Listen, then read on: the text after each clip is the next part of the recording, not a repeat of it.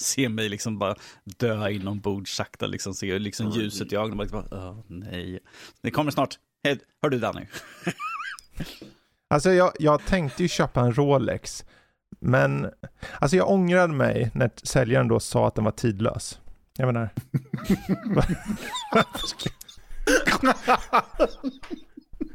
det är väl lite så här, det kan man ju inte ha. Herregud. Holy fudge.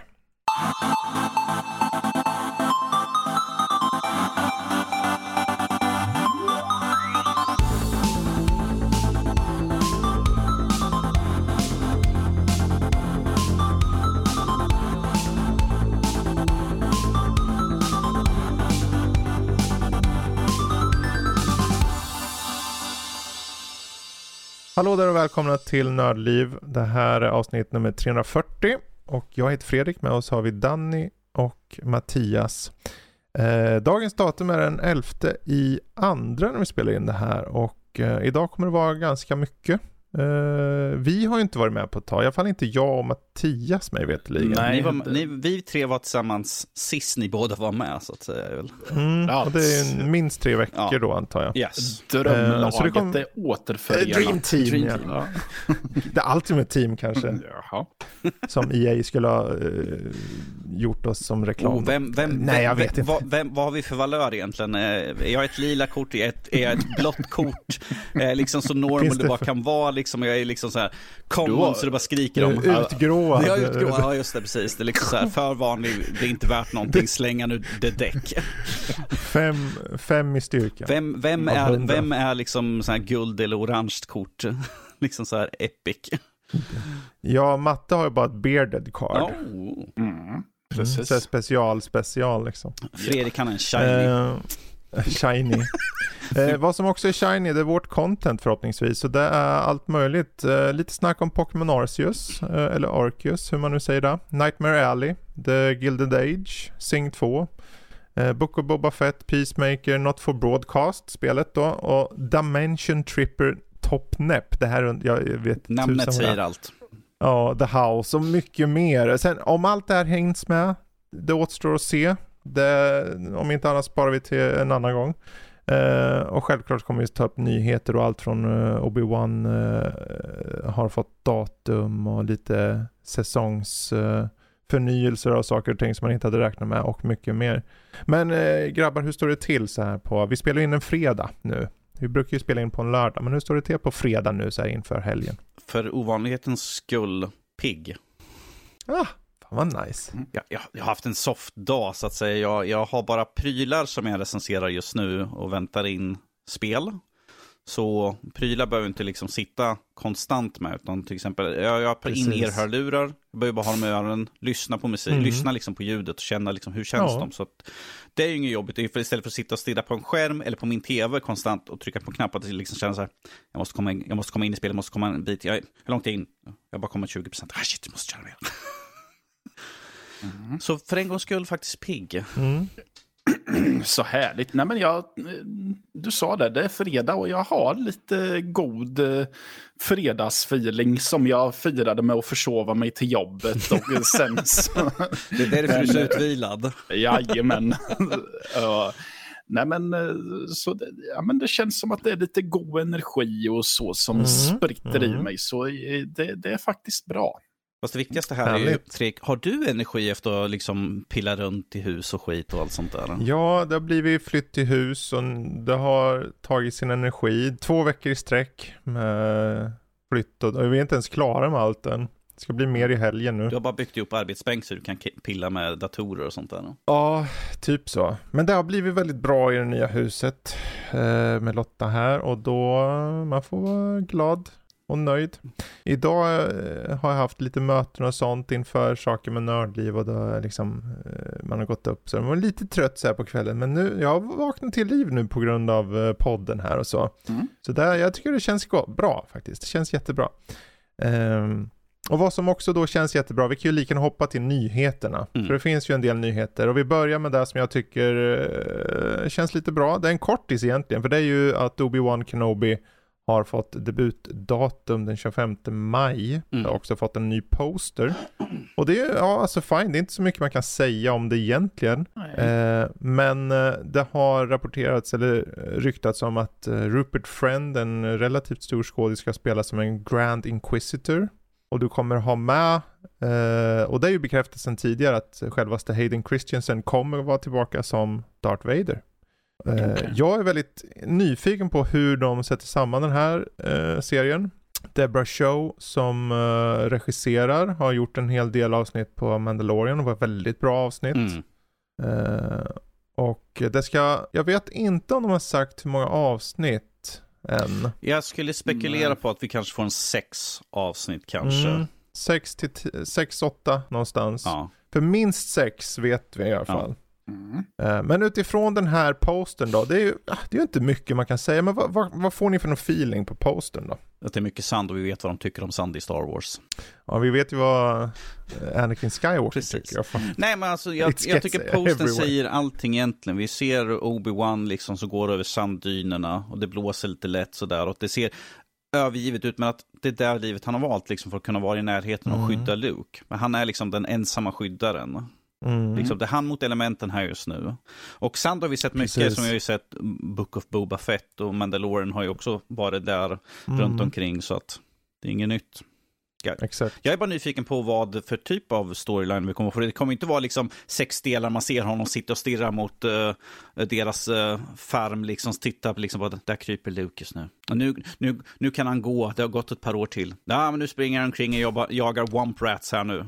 Ja, nu är han en ung man Ja, här nu. serien så- lika torr som öknen han går Precis, i. Liksom. det bara, hoppas jag inte det liksom bara han stirrar, utan att det kommer vara att hot kommer komma någon annanstans som han måste åka iväg. Och det är liksom det här, ska Ja. jag åka iväg, ska jag stanna kvar? Uh, de här inre eh, konflikten, liksom stanna kvar och liksom verkligen vara på plats eller åka iväg och försöka hjälpa någon Mm. som man känner. Eller försöka rädda någon del av eh, liksom, republiken. mm.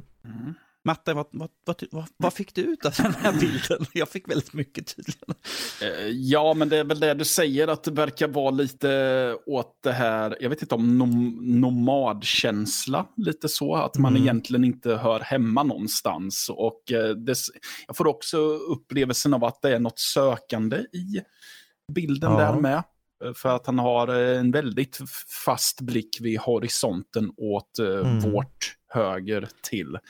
Och det Så, ser, det ser ja. ut som han håller ljussabeln i handen också. Ju, så. Ja. Den ska ju vara, det ska vara Anakins ljussabel har jag fått eh, Mm. höra på. Och det vore ju intressant. Mhm. Eh, varför ska han ha den? Mm. Nej, men, och- Låter märkligt. Sen är det intressant nu när Danny pratar om när han eh, ska skydda familjen och sådär. För jag håller litet sidospår, jag ber om ursäkt. Mm. Men jag, jag läser för tillfället en eh, gammal bok av Dean Koontz som heter Blixtsken. Ooh, sweet man. Och eh, den, eh, den kvinnliga huvudkaraktären i den boken har ju en eh, sk- skyddsängel som han kallas för, som Mm. skyddar henne från att dö. Mm. Så jag funderar på om det kommer vara en liknande storyline här, fast ur då Obi-Wan som skyddsängelns Mm. perspektiv. Åh nej, det är ett, klipp, det Finns är ett där klippblock och- som är på väg att trilla i Lukes skalle. Att lyfter upp den med kraften och liksom Mm, flyttar på precis. det. Han hör bara att det rasslar lite grann och får titta upp, det är ingenting där. Så. Mm. Jag tycker också det ska, eftersom du nämnde att eh, Rupert Friend ska spela en Grand Inquisitor och senast jag, Potentiellt. potentiellt, inte bekräftat sist än. jag såg honom, det var när han spelade Hitman. Mm. Och där spelar han väldigt stel, väldigt stoisk, lite Ja. hitman. Så att han ska spela Inquisitor känns, kan ju kännas ganska rätt. För att det är ju lite grann The hur Grand de... Inquisitor, Gra- det är, lite grann, huvudinquisitorn. det är lite grann som de är. Stela, rakryggade liksom. Ja, Mission before everything. sna- långsamt talande liksom Mm. så. Så jag tycker att det kan vara lite passande. Ja, absolut. Eh, Jag är ganska pepp faktiskt. Eh, Jag skulle inte säga att jag är ultrapepp, men jag, jag Ewan McGregor, han är bra i det mesta han gör känner jag. Eh, och han var en av de få grejer som jag tyckte om i, i prequel-trilogin. Eh, Det är väl den konsensus jag har kunnat dra av de flesta åsikter. Och det är ju där jag faller in också. mm. Eh, sen är det väl också kul att den ens kommer, för den, det, jag har haft upplevelsen av att den har suttit ganska långt inne. För eh, jag hörde, för den ryktades ju om att komma och sen så var den halvbekräftad. Sen sa de Mm. nej, nej, nej, det kommer inte dyka upp på ett tag och sen nu blir den faktiskt av. Ja, Mm. Jag har för mig att det var att eh, när de höll på och planerade fram eh, serien, eh, när Mandalorian kom ut, att väldigt mycket av storylinen de hade i Mandalorian, alltså det var väldigt mycket liknelser, så att de var liksom bara, shit, vi kan inte använda de här sakerna, vi måste gå tillbaka och skriva om manuset. Så att jag Ja. tror att det är därför det jag har hört, via sådana här rykteskällor, så tar allt det här med en väldigt stor nypa salt, de var att gå tillbaka och retoola serien igen, för att det var liksom saker som fanns i Mandalorian, eh, teman och sånt, som de bara, shit, vi har redan använt det här, vi måste gå och göra om igen. Precis. Men om vi säger så här, det här är ju en serie som vi har väntat på väldigt länge ju. Och som väldigt många har velat sett, se Obi-Wan. Och ju, speciellt då, som vi alla säger, Ewan McGregor igen. Så jag tycker det här är väldigt kul. Och han har ju varit en förkämpe och sagt, varit väldigt öppen med att jag vill väldigt gärna spela Obi-Wan igen. Ja, och någonstans, som, den har ju en synopsis den här, jag kan dra den. Mm. Det står så här på engelska då. The story begins 10 years after the dramatic events of Star Wars Revenge of the Sith, where Obi-Wan Kenobi faced uh, his greatest defeat, the downfall and corruption of his best friend and Jedi apprentice Anakin Skywalker, who turned to the dark side as evil Sith Lord Darth Vader. Och där liksom, jag tror att det kommer vara mycket hans hantering av, jag får känslan av det att just hur dealar han med det, just vad som har hänt. Lite introvert bejakning, liksom vad kunde jag ha gjort Ja. annorlunda kanske? Ja, och Men lite sen är det så- PTSD ja. kanske och så. Precis. Mm. Sen är ju frågan, såklart, är, det- de kan ju inte ha bara att han sitter och molar i ett hörn någonstans. Åh, det var så, jag var så dum och gjorde så. Alltså det måste ju hända grejer, såklart. eh, men, men det är ju att hitta den balansen och de har ju Ewan McGregor, han är en jättebra skådis. Gör att jag, jag är pepp, Mm. faktiskt. Och 25 maj släpps det på Disney+. Plus. Eh, och det ligger ganska bra i tiden. Det är ju några veckor innan som vi har, uh, uh, får se vad heter den där, Marvel uh, Doctor Strange. Mm. Den runt den femte. Och ett tag innan där kom Moon Knight och så ett tag efter i juni eller vad det är så har vi ju Love and Thunder och allt vad det är för något. Under sommaren i alla fall. Så den, den ligger i en tid där den passar, som den får sin egen, sitt eget utrymme. För det hade varit svårt för det tror jag om, liksom, okej den släpps samtidigt som Doctor Strange eller någon annan. Eh, men här, den kommer få, den ligger bra i tiden. Så det blir spännande att se, Mm. helt enkelt. Tänk vad mycket vi kan få ut på en poster på ett datum. ja. Vi får väl se. Men eh, vad vi också kan få ut är ju frågan då, är det värt att Futurama kommer tillbaka? För nu har det beställts av Hulu en åttonde säsong. Eh, jag vet inte, eh, var det några av er som följde Futurama när det begav sig? Eh, Yes.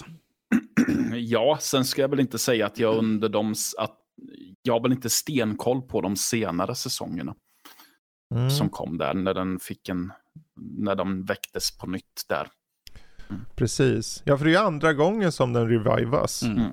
Eh, den dog ju, eh, jag tror den dog 2003 och sen plockades upp 2006. Och, och eh, sista säsongen då slutade 2012, det är 10 år sedan nu. Så när den här kommer ut, vad det verkar som kommer den komma runt 2023. Så det kommer ha gått 11 år sedan den visades, eh, eller gick. Så, men eh, Och vi kommer titta på det, det kommer Ja. att kännas precis som förr. ja, alltså jag tyckte, den var, jag tyckte ju väldigt mycket om Futurama. Ja. Eh, Men frågan var, fanns det story där mer? Eller blir det bara liksom mm, repetition nu på något sätt? Det beror på helt Eh, och hållet hur, det beror på helt och hur de har evolverat serien. Liksom, har det gått en tid emellan? Uh, har någon, vad har hänt emellan karaktärerna som vi såg dem sist? Ja? Mm. Kan det vara liksom att kanske Fry och Lilu har skaffat barn? En liten enögdes batting som springer kring där. Liksom, de bara, åh, vi måste ta Precis. hand om den här och vi måste ut och leverera saker. Ja, Eller att Eh. Spiff och eh, Amy kanske har blivit ett dj- djupare förhållande is- istället för att han bara tittar på Ja. henne och bara "Eh, eh, eh, eh, eh." Och så Ja, går hon ut och han bara I love you, oh damn it. Ja, jag, ser, jag, ser, kul serie. jag ser väldigt mycket fram emot det här. Det ska bli kul att kommer, se. alltså. eh, säsong 8 kommer eh, innehålla 20 avsnitt. Yes. Eh, som Matt Groening och David X Cohen som är då originalskapare och så. Eh, tillsammans och gör igen. Eh, all cast förutom i nuläget John DiMaggio, han som gör Bender, är bekräftade. Eh, Vari- Variety, den här stora nyhetstidningen, säger att producenter är hoppfulla om att DiMaggio också kommer komma tillbaka. Men de kan i alla fall bekräfta resten av casten. Mm. Ehm, så ja, vi får hoppas att eh, de får med DiMaggio också. Ja. Men ja, jag är pepp. Mm. vi, vi kommer säkert komma tillbaka till den Vi har, vi, har, vi, har liksom, vi har haft Obi-Wan, vi har pratat om Obi-Wan nu, en serie som komma skall. Vi har nu Mm. Futurama som en serie som komma skall. Det är mycket att se fram Precis. emot här nu i alla fall. Ja. Ja. ja, och apropå att se fram emot saker. Det är så att Sagan om ringen Ja, och Hobbit, eh, vars film och spelrättigheter nu, de finns ute för försäljning om så önskas. Eh, prislappen ligger på netta 2 miljarder dollar. Så om ni har en slant på banken så, och kanske känner att ni vill göra en liten hemmafilm, eh, eller ett spel kanske, Matte, kanske Matte, en hade- eh, Matte, liten Matte. plattformare. Matte, hur mycket Ja. hade du lagt i bud på den? Ja, jag tänkte att jag skulle komma långt med mina 20 kronor. För jag tänkte att ja, men det Jaha. här är det väl ingen som är intresserad av. Ja, fan. Eh, Det är väl bara nördar som läser fantasy Om- om- om- Oj, fantasy. oj, oj, oj, oj. Om vi ska kolla lite grann på uh, de, som de som jag anser är de två stora aktörerna här som kan komma och, och slåss om det här. Den ena är ju Amazon. För att de har ju tv-serien som, kom, som kommer. Mm. Och sen har vi Warner Bros som har gjort väldigt, eh, de flesta spelen ju. Så att jag tror att Warner Bros vill ju komma åt spelbiten medan Amazon Mm. vill ha film och tv-serierättigheterna så att de har mer att komma ut på sin tjänst ju. Men samtidigt att Amazon har ju också sin speltjänst som de försöker få komma igång och faktiskt, de ha- hade ju det här, vad hette det här spelet som de hade utannonserat där? Ingen aning. Jag Men det var ju något som inte blev av. Ja, nej, det var ju någon MMO de skulle ha, jag för mig. Ja, Som, ja just ja. Den här som hade Conquistador-look på gubbar Ja, och sånt. det är ju deras enda spel som jag vet om, men att ifall de får in spel på Sagan om ringen och samtidigt har film och Mm. tv-serier som de kan släppa i samklang. Och Amazon har ju pengar, till skillnad från Ja. Warner Bros som eh, tyvärr inte har så mycket pengar kvar längre. Ja, och dessutom så producerar, jag menar Warner Bros är ju mer ett publishingföretag nu läget Mm. där de har studios under sig, till exempel Monolith och, och så vidare. Mm. Eh, och Monolith arbetar redan på två spel och just nu är ett Wonder Woman-spel, så det är ju liksom eh, för övrigt, eh, New World var det där du tänkte på. Så heter det. Jag bara, det var någonting World, men jag kommer inte ihåg ifall det var Ja. New World eller Old World. Jag kommer inte ihåg. Men absolut, alltså det troligtvis är ju eh, Amazon en av de som är mest intresserade, sett i alla fall till, med tanke på tv-serien och så, på den biten. Jag hoppas inte att det blir de som tar spelrättigheterna eller köper dem. Jag vill gärna se att, jag skulle gärna vilja se ungefär som, vad är det för något IP? Det är Star Wars, du vet att, som att Disney säger istället, De har lis- Ja men licensierar de som ut. eh, vill och klarar, ge oss er, eh, ge en liten um, hisspitch här, ge bra förslag och sen så får vi se vilka vi ger. Så att de väljer istället. Mm. För annars om, de, om det skulle bli som att EA bara tar hela, det är bara ett exempel, men att de tar till exempel licensen på spelsidan. Och då kommer de bara mangla ut. Så det handlar om vem som får möjlighet. Och jag ser gärna att fler olika kan köpa olika typer av IPs. Och visst, då blir det uppstyckat. Men samtidigt blir det, okej då behöver du faktiskt visa att du gör ett bra spel också. Mm. Ja. Ja, det är som vi så, som du sa där med till exempel Star Wars, att EA har inte gjort ett tillräckligt Mm. bra jobb. Så att då, därför tog de ju tillbaka, att nu är det en öppen licens istället, att vem som Mm. helst kan fråga Disney, snälla Ja, kan göra... licensen gick ju ut, Ja. det har ju inte med det att Nej, göra. nej, för att- de gjorde ett bra spel, de gjorde ju Jedi Fallen Ja, ja, Order det, som det, var jättebra. det, sista, det var det sista spelet Ja. som hände, och sen, fast innan det, Men det är ju inte skälet varför. men en del utav det. Och jag ser, som du, precis som du säger, jag håller helt åt med Mm. att jag vill se att flera aktörer kan få ta del och få ta och göra någonting istället för att det är en och samma. För då får vi en variation, vi får andra nytänkande, kanske nya sätt de vill ta sig an och göra spelen på. blir ju framförallt en konkurrens. Ja. Och konkurrensen kräver då att du, om, du ska, om det är tre stycken som gör Sagan om ringen-spelen, då ska en av dem åtminstone känna att ja men det här, ska, vi ska göra det bästa. Och då vill de lägga extra tid och de vill ge er extra resurser och pengar och allt vad det är. Mm. Sen är det såklart, det, blir, det finns ju en baksida av det här, det om det styckas upp. Okej, vilken session, okej du får bara hantera Hobbits-tiden, eller du får bara ha den här karaktären, eller du, om en bara får, säg att någon bara får göra om Aragorn, ja då får ju du inte kanske ha Aragorn i något annat spel. För, liksom att det Ja. kanske finns någon baksida på det sättet. Mm.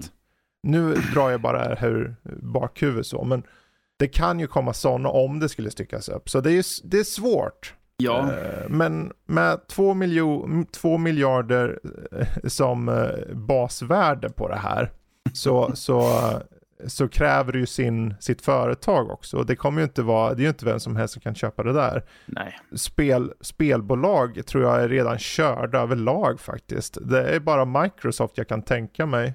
Ja, jag tror det. Eh, I och med att de är trillion dollar företag. Jag menar Sony har svårt att nå den här slanten och då är liksom du, du ska ju vara en strategi här. Du kan ju inte bara, ja men vi kör, var snabb nu, ta, köp det här. Det funkar ju inte så. Det här är ju en process som tar kanske ett år om det är en sån här väldigt känd IP. Mm.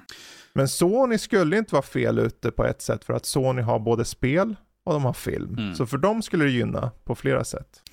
Men Ja. eh, vad är bäst? Amazon, Sony, Microsoft? Beroende på om det är film eller spel. Det är svårt att säga. Ja.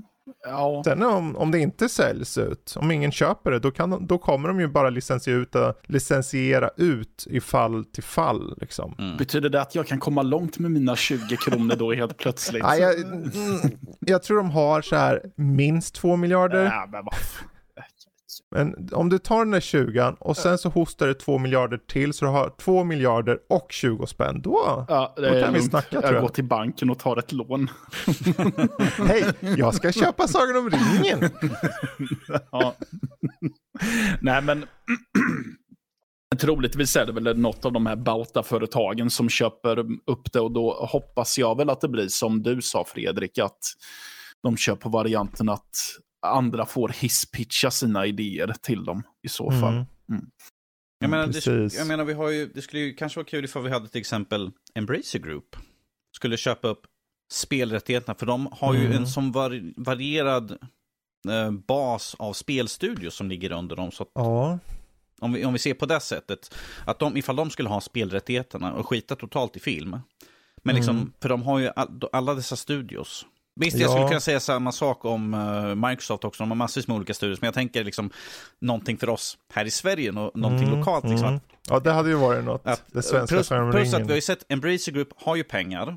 Och de har köpt in massvis med studios och sånt. Så det skulle vara intressant Ja. om de kunde ha någon sån här stor IP som de skulle kunna ha och dela ut. Liksom, gör, ni gör ett RTS, ni gör ett, eh, ett MMO eller något sånt där. Och liksom Precis. bygger på styrkan på de olika understudiosarna. Ja.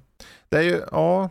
Visst, de kan Jag inte slåss, de kan inte slåss där. med Amazon när det gäller pengar visserligen. Nej, men- alltså det är ju, de har ju aldrig köpt något för de här slanten. Nej. Och dessutom, de har studios, inget illa ment av Embracer, men alla studios de har är som bäst dubbel A. Mm. Du, här krävs, du kan inte ha en dubbel A på det här. Du kan inte ha en indie på det här. Du kan inte ha en vanligt A. Du måste ha 4A för fan på det här.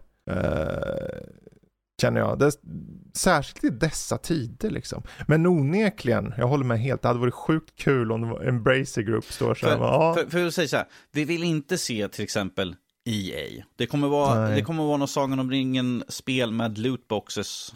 Ja, men du öppnar Mm. upp den här. Ja, men du fick Glamdrim. Grattis. Du kan gå ut och slåss med det här vapnet nu.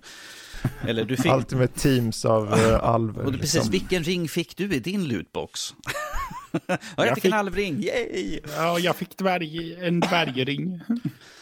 Jag fick bara en dvärg. Jag står här och glor på mig. Om, om, om vi säger för mig, eh, som tycker om eh, öppna, öppna världar, pluppa på kartan, Mm. så Sony skulle jag gärna se. Jag tar till Mm. exempel, eh, eh, vad heter den? Ghost of Tsushima. Ghost of Tsushima, precis, de har haft det. Vi har ju, Sucker Punch. Sucker Punch där ja. yes. Så där har de det. Men samma sak kan ju då också sänga in och säga Ubisoft, för det är typ Mm. mer eller mindre allt de gör känns som just nu. Förutom Ja, några FPS.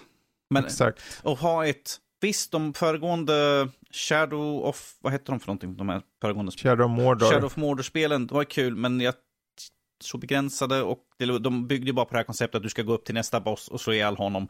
Sen kommer någon Mm. ny och tar över, men du ska fortsätta gå upp på stegen sådär. Nemesis-systemet Precis. där, just Jag skulle det. gärna vilja se som ett MMO, men ett singelspel, alltså den storskalan. Att du kan liksom röra runt. Mm. Kanske co-op skulle vara kul att få ett Sagan Alltså, jag det säger finns så bara så mycket, här. finns så mycket spel och historia där. Yes, Fredrik. Ge oss slaget om Midgård 3. Åh, du... Okej? Slaget om Midgård 3. EA. Då får du hoppas på EA där, ja. Eh, mm. Nej, jag hoppas ju egentligen på vilken annan som helst, för det IP är öppet för vem som helst. Eh, uh, Sagan om ringen, du behöver inte göra slaget om Midgård, Nej, men att du gör de- just en de RTS bara Mm. så. Det var, bra, det var oavsett, bra spel de. Ja, de var jätteroliga faktiskt. Men, och det här kommer också, vi kommer göra det här till veckans Discord-fråga indirekt då. Eh, vilken typ av spelgenre skulle ni vilja se att Sagan om ringen blev? Om, Mm. in, om någon köpte upp det. Så är det pluppa på kartan alla Ubisoft? Är det FPS med Ultimate Teams-funktion eller Fantasy League med alver eller ja, vi får se Är vilka... det, är det fantasy football kanske? Ja, fantasy football ja. Fantasy football. Ja, Jag vill, ha, jag vill ha alverna för att de, de, de kan använda sig lite magi och sånt där. Mm. Mm. Ja, eller wrestling med enter. Varför får jag se en, en, en ent i någon sån här hemsk eh, sån här neonfärgad spandex in bara Boah! Ja, precis. Med lite såhär Randy Savage eh, sminka, eh, smink i ansiktet. Så. Vad, vad är det han är? Lavskägg i den munderingen. Precis. Ja, just det. Lavskägg. Ja, onekligen finns det. Vi, vi får se vad som händer. Det är bara att vänta och se.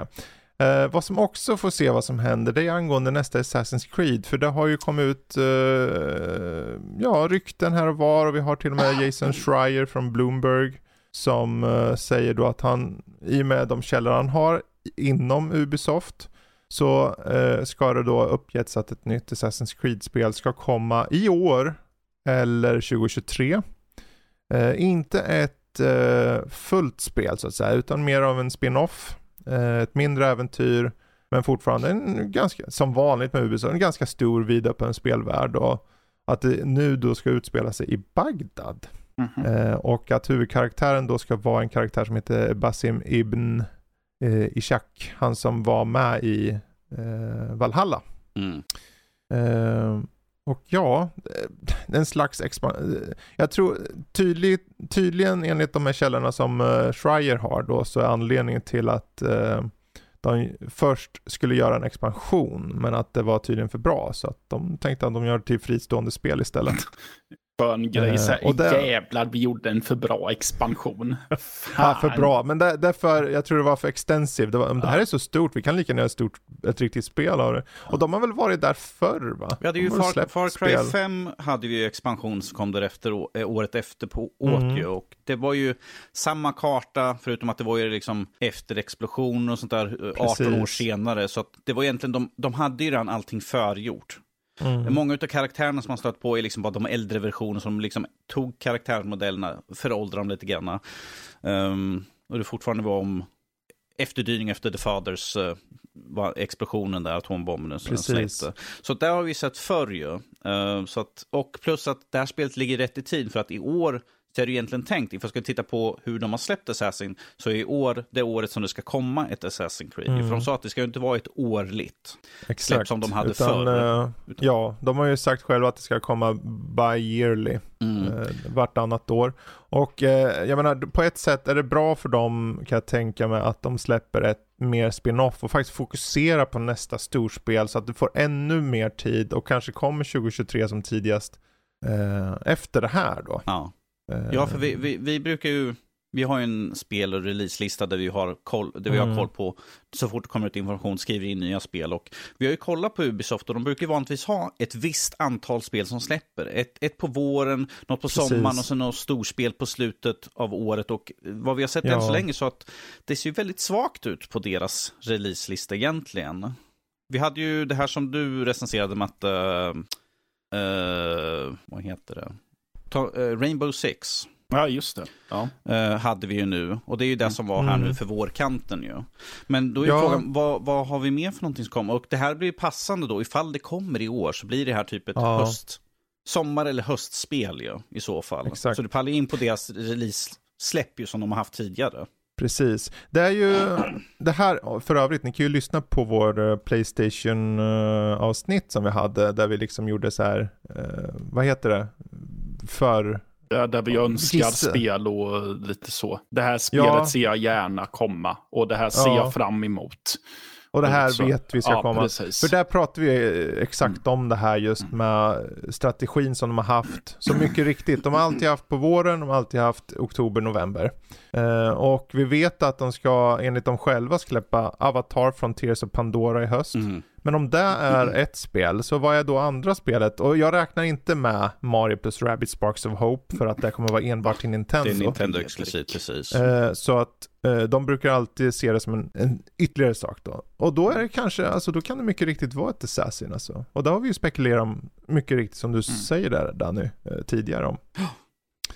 Eh, sen får vi hoppas, för vi har ju pratat om det här, de läckor som har varit, har varit att det varit några form av conquistadorer i Sydamerika Mm. som det har eh, snackats om. Men det är ju inget som är bekräftat. Och det kanske är spelet som kommer efter. Det, det är i så fall nästa i main storyline, alltså Mm. huvudserien. Det här är ju, kommer ju som de säger att det var en, en DLC som var större och bättre än vad de trodde, Mm. så de gjorde en spin-off istället. Precis. Ehm, Jag, tycker, jag tror förvånad att den här DLCn som släpps till eh, Valhalla här nu om ett par veckor, att de inte gjorde också om den till ett fristående spel, för den verkar vara så stor. Mm. Men Det är väl att den är så fokuserad på just Valhalla-karaktär. yes, för att det ska ju eh, vara att man går in och är eh, inne med Tor och Dam och Oden och sånt. Ja. Det, och plus att jag tror att de ser att de kan tjäna ganska mycket. Jag tror den kostar 400 eller 500 spänn den expansionen. Mhm. Ju som. Ja, ja, ja. Men eh, vad kan man säga? Det finns inte så mycket mer att säga. Vi- Det kommer att vara fokus, fokus på stealth tydligen i det här. Vilket är intressant att de Går tillbaka eh, till det igen. Går tillbaka till. För att med de här, Men, den nya eh, trilogin så, gick de, så var det liksom stealth, det var ju ingenting. Du kunde sitta i en buske men det var ju bara för att gömma dig ifall du mötte för starka Mm. fiender när man, på de tidiga nivåerna av spelet. Sen Precis. kunde du bara springa in och liksom slakta alla som var i vägen när man hade gått upp lite grann i nivå. Men eh, vi får... Ja, det är ju inte direkt wrestling mentor kan man ju säga. Nej, precis. Så vi, Knappast långt Men vi kommer väl troligtvis återkomma när det faktiskt när det kommer Oh, några ja. officiella eh, uttalanden om Ja, spelet. en sista sak angående det här. Att jag tror det är en bra strategi i ett år där du har så mycket storsläpp. Mm. För nu, och det kommer vi till nu strax här med Nintendo Directen. Att eh, det är så mycket spel som kommer så att det kanske är en bra strategi att inte släppa sina storspel. Vänta till ett år det fi- finns lite mer utrymme Ja. för att släppa ett stort Assassin. Och då släppa en liten spin-off så länge bara. ja, vi kan ju ta bara som exempel, det var ju väl det här eh, Suicide Squad som var uppskjutet till 2023, för att inte jag missminner mig helt Mm. fel. Och det ser vi ju för att Gotham Knight är i så fall det spelet som kommer i år. Eh, Gotham Knights. Gotham Knights. Precis. Precis. Och Suicide Squad då kommer nästa år istället för att inte ta upp och ta hemma deras egna Ja. första spel, Gotham Knights, där i så fall. Då kan man lika gärna skjuta upp Exakt. det ena spelet för att ha liksom till nästa år, när det kanske inte är lika mycket. Vi säger det här varenda år, att det kommer inte vara så, säkert lika mycket. Det har ju mycket i år, så att det kommer vara mindre nästa år. Sen märker vi att nästa år är liksom shit, Yeah, det är right. ännu mer. Ja, ja. Med det sagt hoppar vi vidare. Vi tar nu, för nu, vi nämnde ju Nintendo Direkt där och det är väl en av de större grejerna som varit på sistone nu. Yes, Eh, ifall man, ifall, du- ifall man är Nintendo-fan ja. Om man, är om man har Nintendo Switch Precis. såklart. Eh, men eh, först, för, jag tänker jag drar många av de datum som jag fått, kanske nya släpp och sen kan vi snacka lite om släppen och vad som stod ut och kanske vad vi tyckte om eventet. Mm. Eh, först har vi Fire Emblem Fire Warriors 24 juni 2022. Ett nytt spel i serien som ser ut att vara ett Musu-spel. Och sen fick Advance War den här, eh, vad blir det, en remake eller remaster eller Yes. av 1 och 2. 8 april släpps det. Eh, ett nytt Mario Strikers-spel, Mario Strikers Battle League.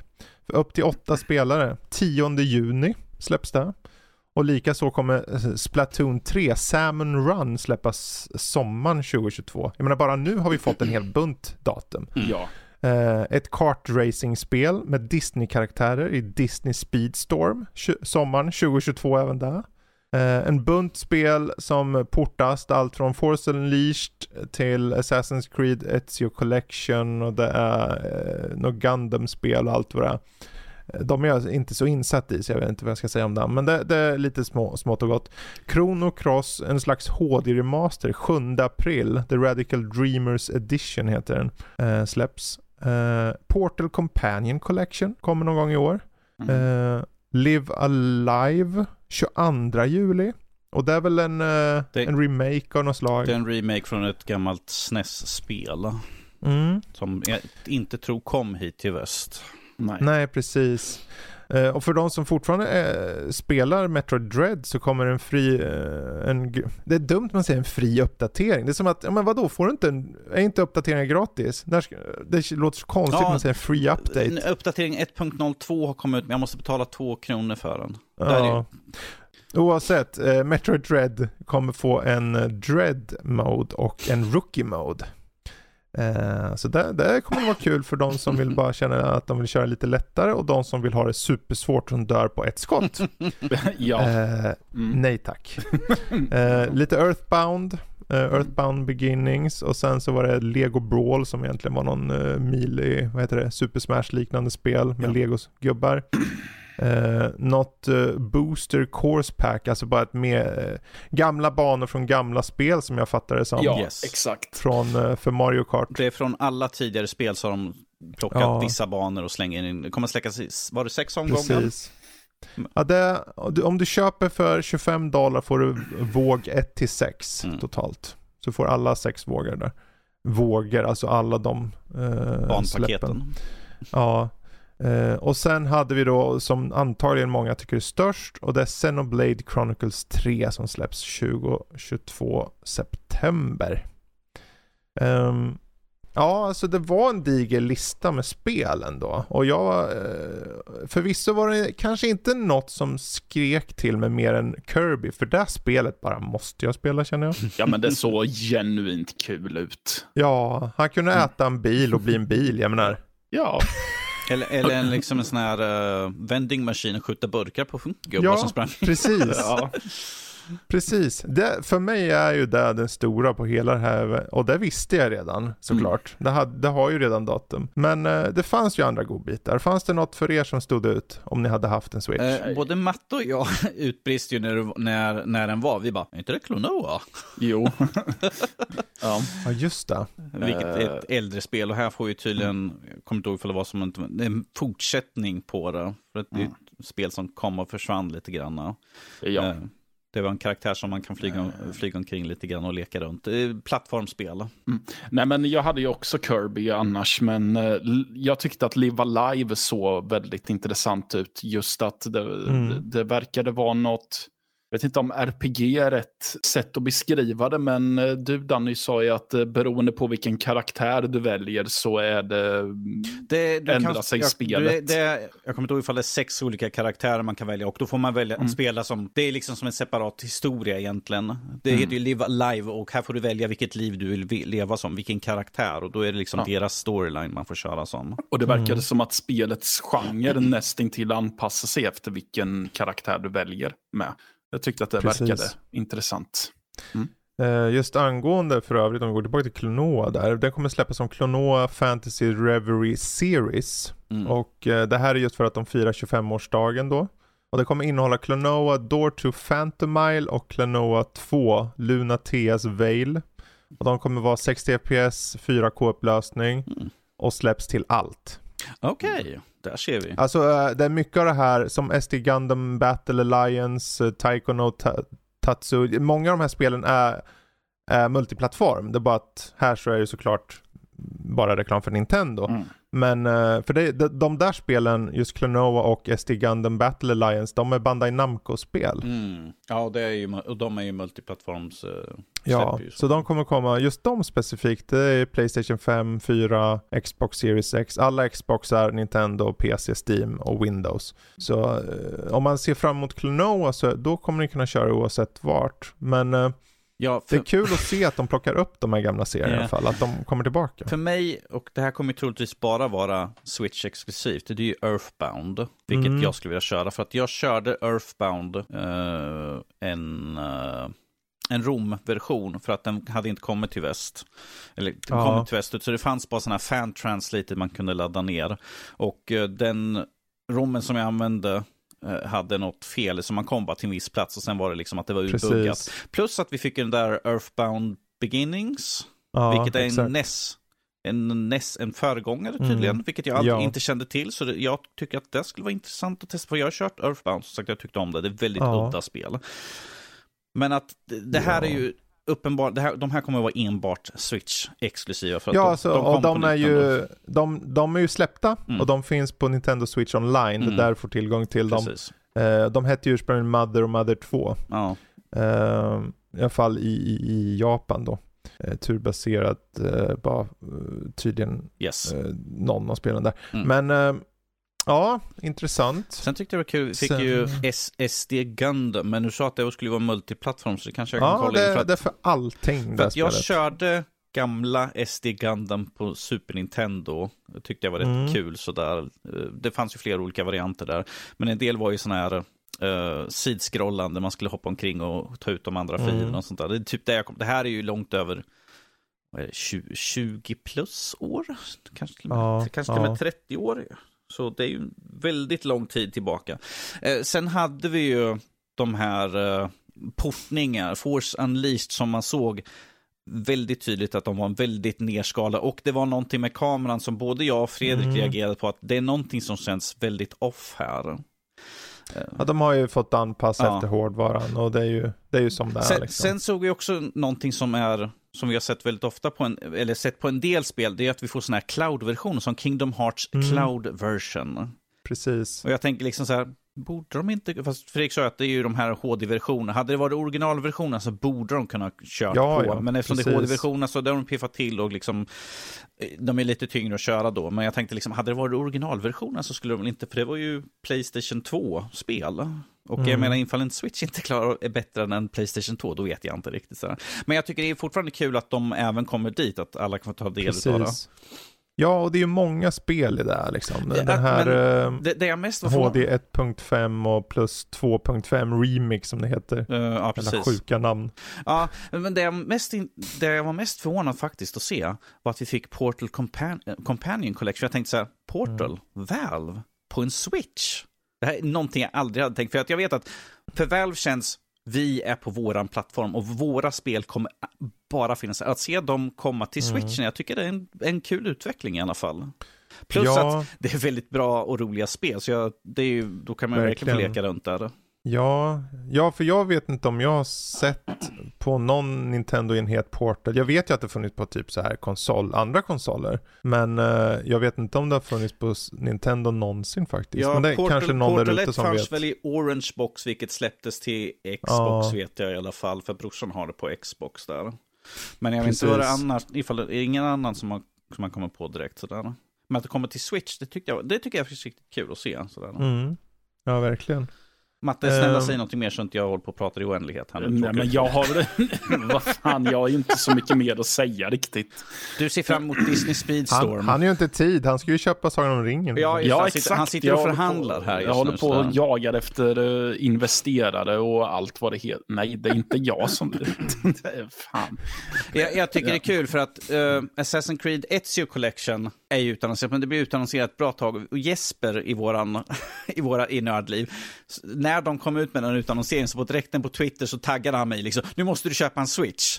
Och jag bara, jag har redan den spelserien så jag vet inte riktigt vad, när de kommer med ett exklusivt spel ska jag få det. Jag tycker det här är kul att, uh, vi satt ju och kollade på den här, Fredrik, Mattias och jag. Och än så länge är det bara Fredrik som har en Switch. Matte är lite grann i tankarna på att skaffa en Ja. Switch och jag är liksom, Ja. kommer inte in i mitt hus här i alla fall. Då ska det komma väldigt mycket intressant. Kirby är ju som sagt, jag är hemskt med att jag vet ju att Fredrik kommer, ja, jag vet vart han bor. Kommer vara så här, jag vet att du spelar, släpp in mig. Släpp in mig, jag ser Knack, att du knack. spelar. Ja, Nej, men och lite Ja. så, Metroid Dread ser också intressant ut. Men jag, eh, jag är ju inne på att jag är ju inte sugen på att testa Dread version. Eh, och, nej. så, för jag, det kanske är dumt om jag skaffar en eh, Switch och det första jag gör är att knäcka den på mitten. Mm. Oh, ja. Det fanns ju rookie mode också. Ja, jo, så- men då... Matte då, råkar trycka fel sådär och tror att han har Ja, kör, rookie. men- kör standardläget först. Men då Ja, erkänner om man... jag kan klara det till och med så. Men då erkänner man ju ett nederlag.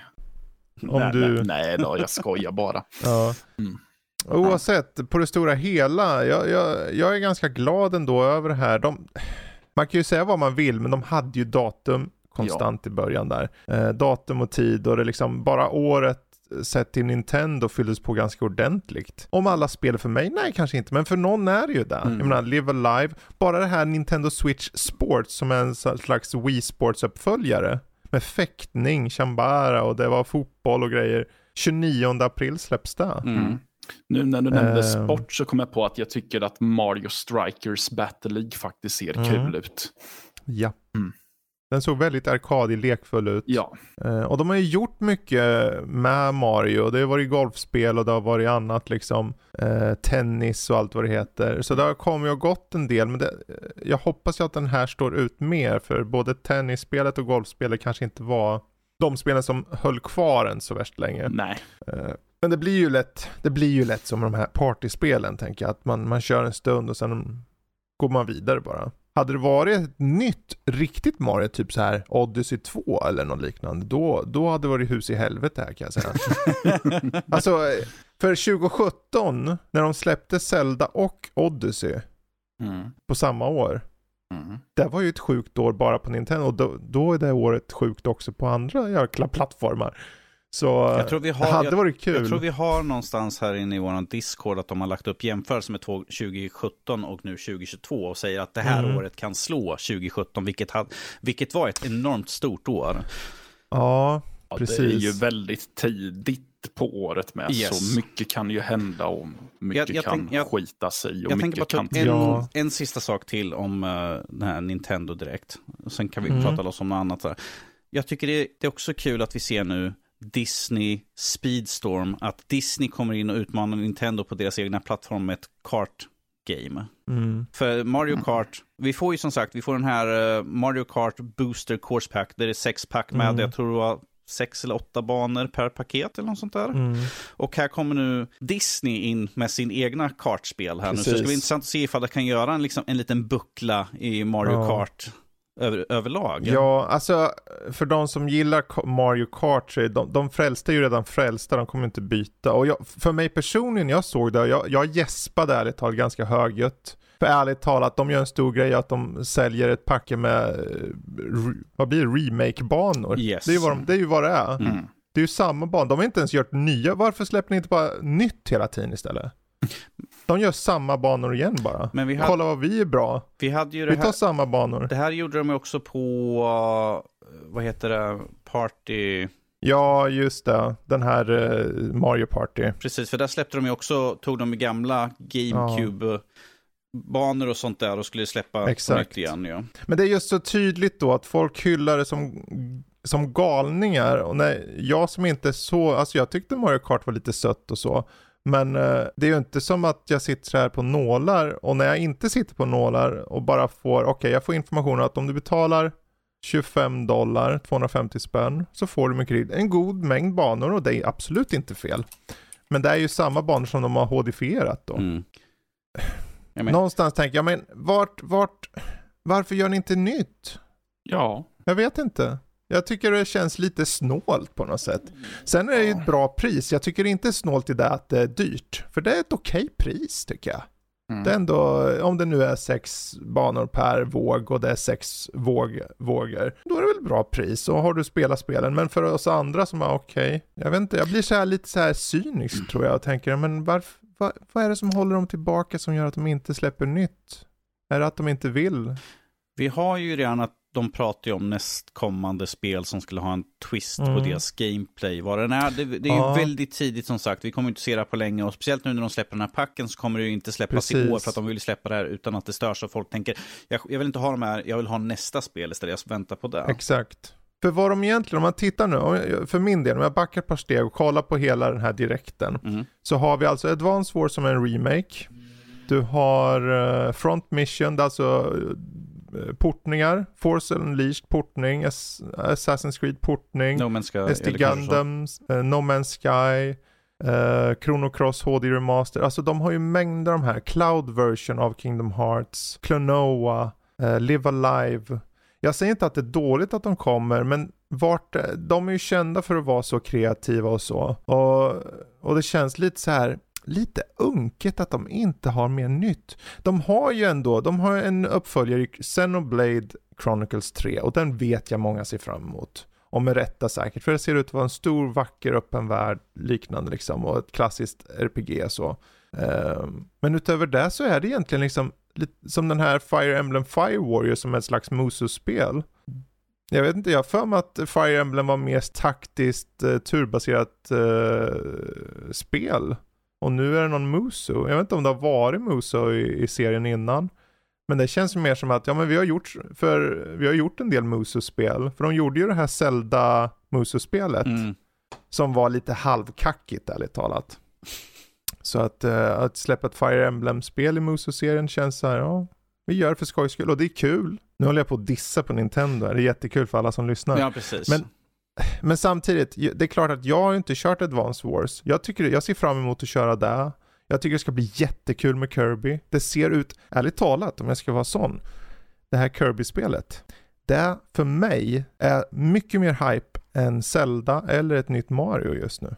Bara för att det ser ut att göra någonting nytt med en karaktär jag har lite bekantskap med. Och ser ut att vara extremt lekfullt. Ja. De här sakerna du kan göra. Det var just det jag tänkte säga också. Jag tänkte också säga att det ser lekfullt ut och det ja. märks att de, de har tillåtits att ha ganska fria tyglar eller lösa tyglar. Yes. Och det känns yes. som att de verkligen utnyttjar det till fullo. Och tänker, mm. men, ja men då kollar vi hur långt vi kan ta det här då. Ja, precis. Och det, visst, och på samma sätt, jag menar det är ju lekfullt med Mario Strikers uh, Battle League. Det ser lekfullt, arkadigt ut, lite Shaolin Socker typ sådär. Det är klart att kreativiteten finns där. Mm, ja. Det gör den. Eh, på det stora hela, ett bra direkt med feta titlar och något för alla. Jag menar, även om jag inte kanske klickar med allt så finns det alltid någon som gör det. För den här mängden med så många datum. Ja. Och så nära en på. Det är ju jättebra event. Jättebra direkt. Och ifall man är bara Verkligen. en som har Nintendo så har ju portningarna sin plats där också. För att de skulle Absolut. inte uppleva det på något annat sätt i så fall. Ja. Exakt. Sen att det suger att köra ett Zio Collection i den här. Nej, förlåt. Nej, det gör det inte. Men uh, det är ju precis så som du säger. Det är jättebra att det kommer och att det finns tillgängligt. För annars så hade de ju aldrig kunnat testa dem kanske. Synd bara att de kör de och, sämre versionerna som de ser ja, ut. En del. Ja, men det är ju det är på många sätt bara en utseende sak så. Så, så länge många... så jag menar, storyline vet vi är bra, liksom, känslan ja. finns, men att ifall man har kört spelet innan, som vi sa, både jag och Fredrik tyckte att det är någonting som är off, men att ifall man inte har kört ja. de andra spelen så vet man inte om det. Nej, och det är ju det, det man inte vet har man ingen skada av i regel. Jag menar, eh, har du inte kört, har du aldrig kört Witcher 3 och du kör första gången på, på Switch, Ja. Då kan du tycka, om det här var väl okej. Okay. Det såg ut som någon hade knarkat när de gjorde spelet, men annars var det ju okej. Okay. Eh, tack, men jag tänker nog köra på Series X när jag väl tar och ja. plockar upp det. Men eh, riktigt bra. Jag vet inte, har ni något ni vill säga angående just eh, eventet innan vi går vidare? Eh, jag tyckte det var ett väldigt kul event i alla fall. Som sagt, väldigt mycket. Mm. Uh, många mm. första partsspel, som sagt, Kirby där som stack ut och sen hade vi Xenoblade Chronicles 3 som de hade som avslutning där. En, och nu har vi en sista sak här.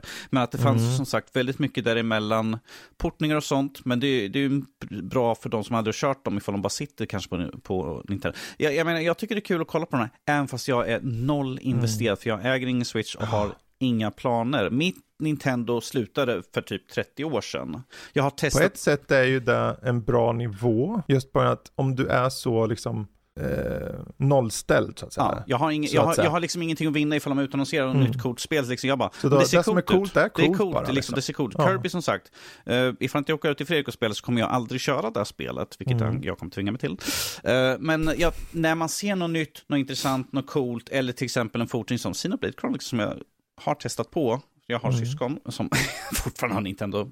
Eh, så tycker jag är kul. Som sagt, jag testade ju på Metroid Dread förra året inför mm. Goti. Vilket jag bara var med i en del. Jag var inte ens med i sluttampen och slogs. Mm. Jag var så frustrerad. Jag lyssnade på våran Goti-del och ni bara liksom, ja men det här skulle Danny slags för, det här skulle Danny, så jag bara, ja det skulle jag fan ha mm. gjort. Jag var inte ens med för jag var så dålig. Men sluttampen här var jag väl sagt att liksom, ifall jag tycker det är kul att se den och se de spel som utannonseras för, de är mm. exklusiva. Många är ju de som kommer vara fler, men de exklusiva spelen är kul. Det är ju som eh, innan jag hade Playstation 4 och nu Playstation 5 och såg spel som jag bara, det här ser coolt ut, det här ser coolt ut. Mm. Som sagt, jag har kört igenom Horizon uh, Forbidden Dawn, som är Uber-exklusivt. Och det är ett spel jag aldrig hade kunnat kört förut. Men ja. att jag har ju bara kunnat sett de spel och tyckt att det här ser coolt ut. Eller typ uh, Uncharted som jag bara har sett brorsan köra och tänkt liksom, det här ser coolt ut. Jag har ingen konsol så jag kan inte köra den. Men det här... Kommer du ihåg, det var, det var kul för du sa, jag kommer, jag kommer aldrig ha en Playstation. Jag har min son, min Xbox och det räcker gott för mig, sa du. Du Fredrik, eh, Nintendo du, du vet, Switch. Fredrik, Fredrik, du vet att uh, VR är ju så jävla överskattat och, och kommit ut om ja, ja, ja, den, den... och nu, sit, här, och nu, varje... och nu så... sitter jag i varje del, när får vi Playstation VR 2? När får det vi information? Roliga, har ju samma argument nu när du säger Nintendo Switch. Så att det, mm. det får mig bara, alltså det är bara en tidsfråga. Ju, för varje gång du säger jag kommer inte ha en switch i mitt hem. Ja, ja, För varje gång Jag känner så att Fre ökar Fredrik kan göra så varje gång jag säger så lägger han en krona i en burk. Han bara, en vacker dag, Danny kommer säga det så ofta, så en dag kommer jag kunna köpa en switch till honom för alla de här kronorna jag lägger så kommer jag ha en switch. Ja, alltså. alltså det, det blir mer och mer en tidsfråga nu känns det. Nej, nej. Avslutande då, matte. Ja, det var mycket, det var mycket titlar. Och det är ju alltid trevligt, men det som gör att det verkligen stod ut nu för mig, det är att de faktiskt hade ganska mycket datum. Och det är någonting som vi inte har varit bortskämda med på de senaste speleventsen. Så det var väldigt... Det var framförallt det som gjorde att jag var väldigt positiv till det här. Precis. Jag, jag, jag tror att vi kanske ska skut- skutta ifrån, för vi har liksom praisat och vi har sagt mycket saker Ja, men som det är ju inte är det- bra. Ja, men det är ju så här, det finns ju något för alla och så finns det saker som inte är för alla. Ja. Och det är helt okej, det måste finnas en bredd och det har de. Och det, därför var bra och samtidigt massor med datum. Men om vi säger så här, oberoende på vilken plattform det är, ifall det är någonting vi ser som vi inte håller med om så kommer vi kritisera det. Men vanligtvis har vi en Ja. saklig anledning varför vi kritiserar. Absolut. Som till Ja. exempel det här med Mario Kart Court Pass, att vi tar gamla saker och slänger upp på nytt. För att varför inte? Vi kan tjäna pengar på det. Men nu fortsätter vi. Absolut. Eh, Så länge ni bra har klart sagt. för er att vi har facit så är det helt okej.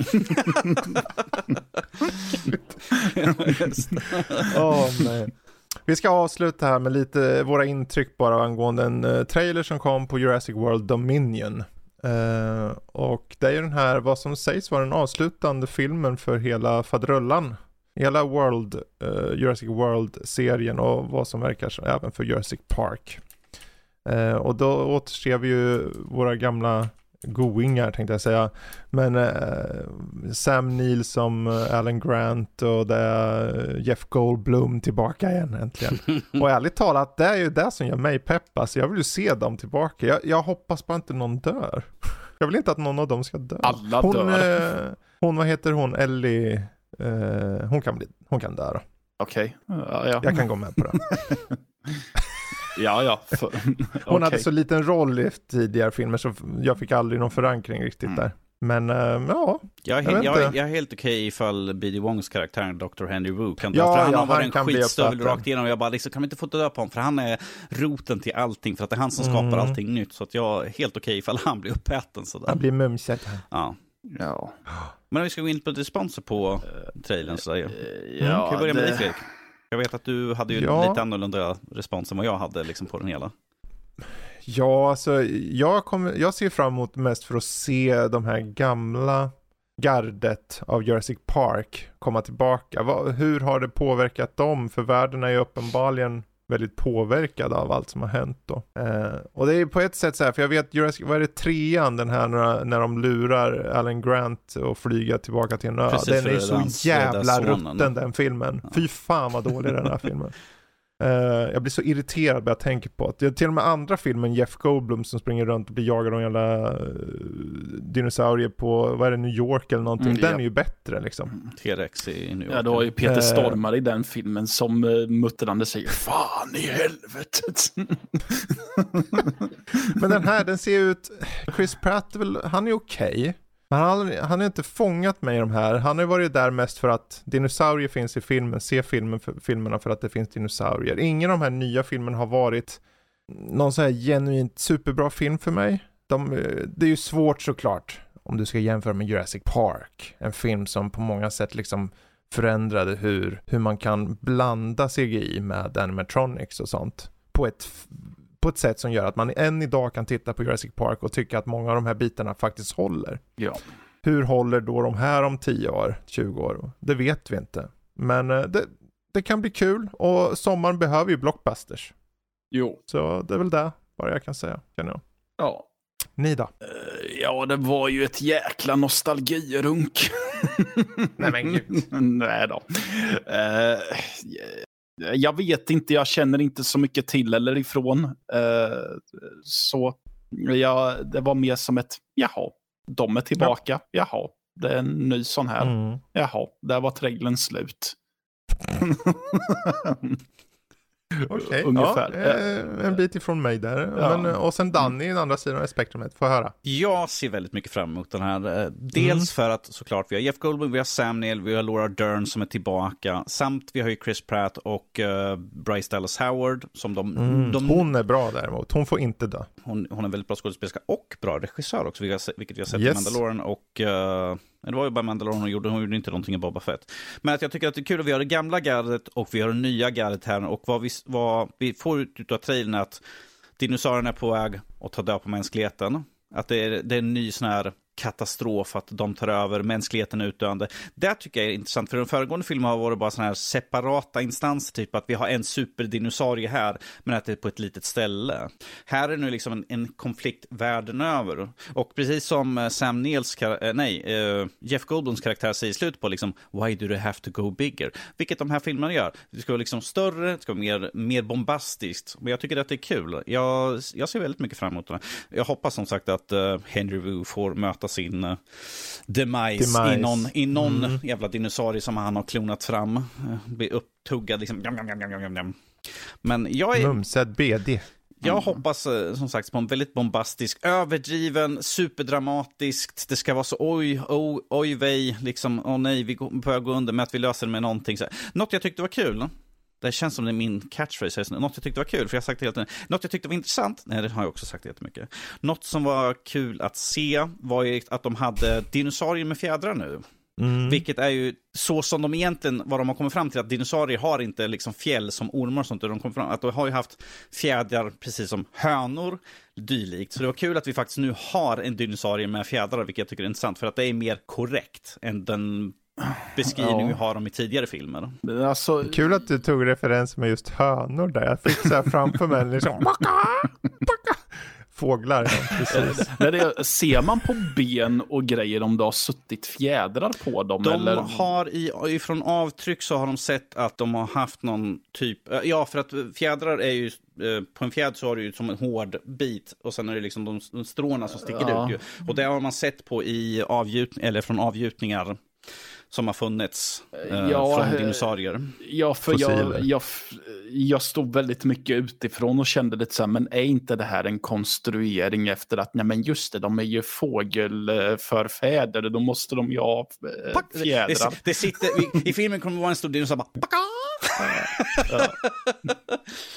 Ja. Man ser ju i trailern hur Bryce Dallas Howard blir jagad av någonting och hon gömmer sig under vattnet och den har, den har ju fjädrar och eh, vingar liksom och när den mumsar mot vattenytan som hon gömmer sig under så har den en bik liksom, Mm. en näbb så. Eh, Den den lilla megahönan, man ser av den. megahönan. Mm.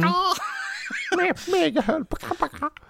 ja, nej men det blir ju, alltså som man behöver blockbusters. Eh, och på många sätt och vis är det ju blockbusters som får folk fortfarande att gå till bio. Ja. Och man kan ju tycka vad man vill om det, men utan de här filmerna, för eh, tror jag att vi kommer ha ett dött bio, eh, biosalonger överhuvudtaget. Ja, ja, alltså jag vet att Så- jag, jag vet att jag oftast sätter mig i, hö- i motvallshörnet när det kommer till eh, blockbusters, men jag vill ju Mm. verkligen eh, säga att jag, jag tycker ju inte att de ska upphöra att existera eftersom att de, de fyller ju sin funktion.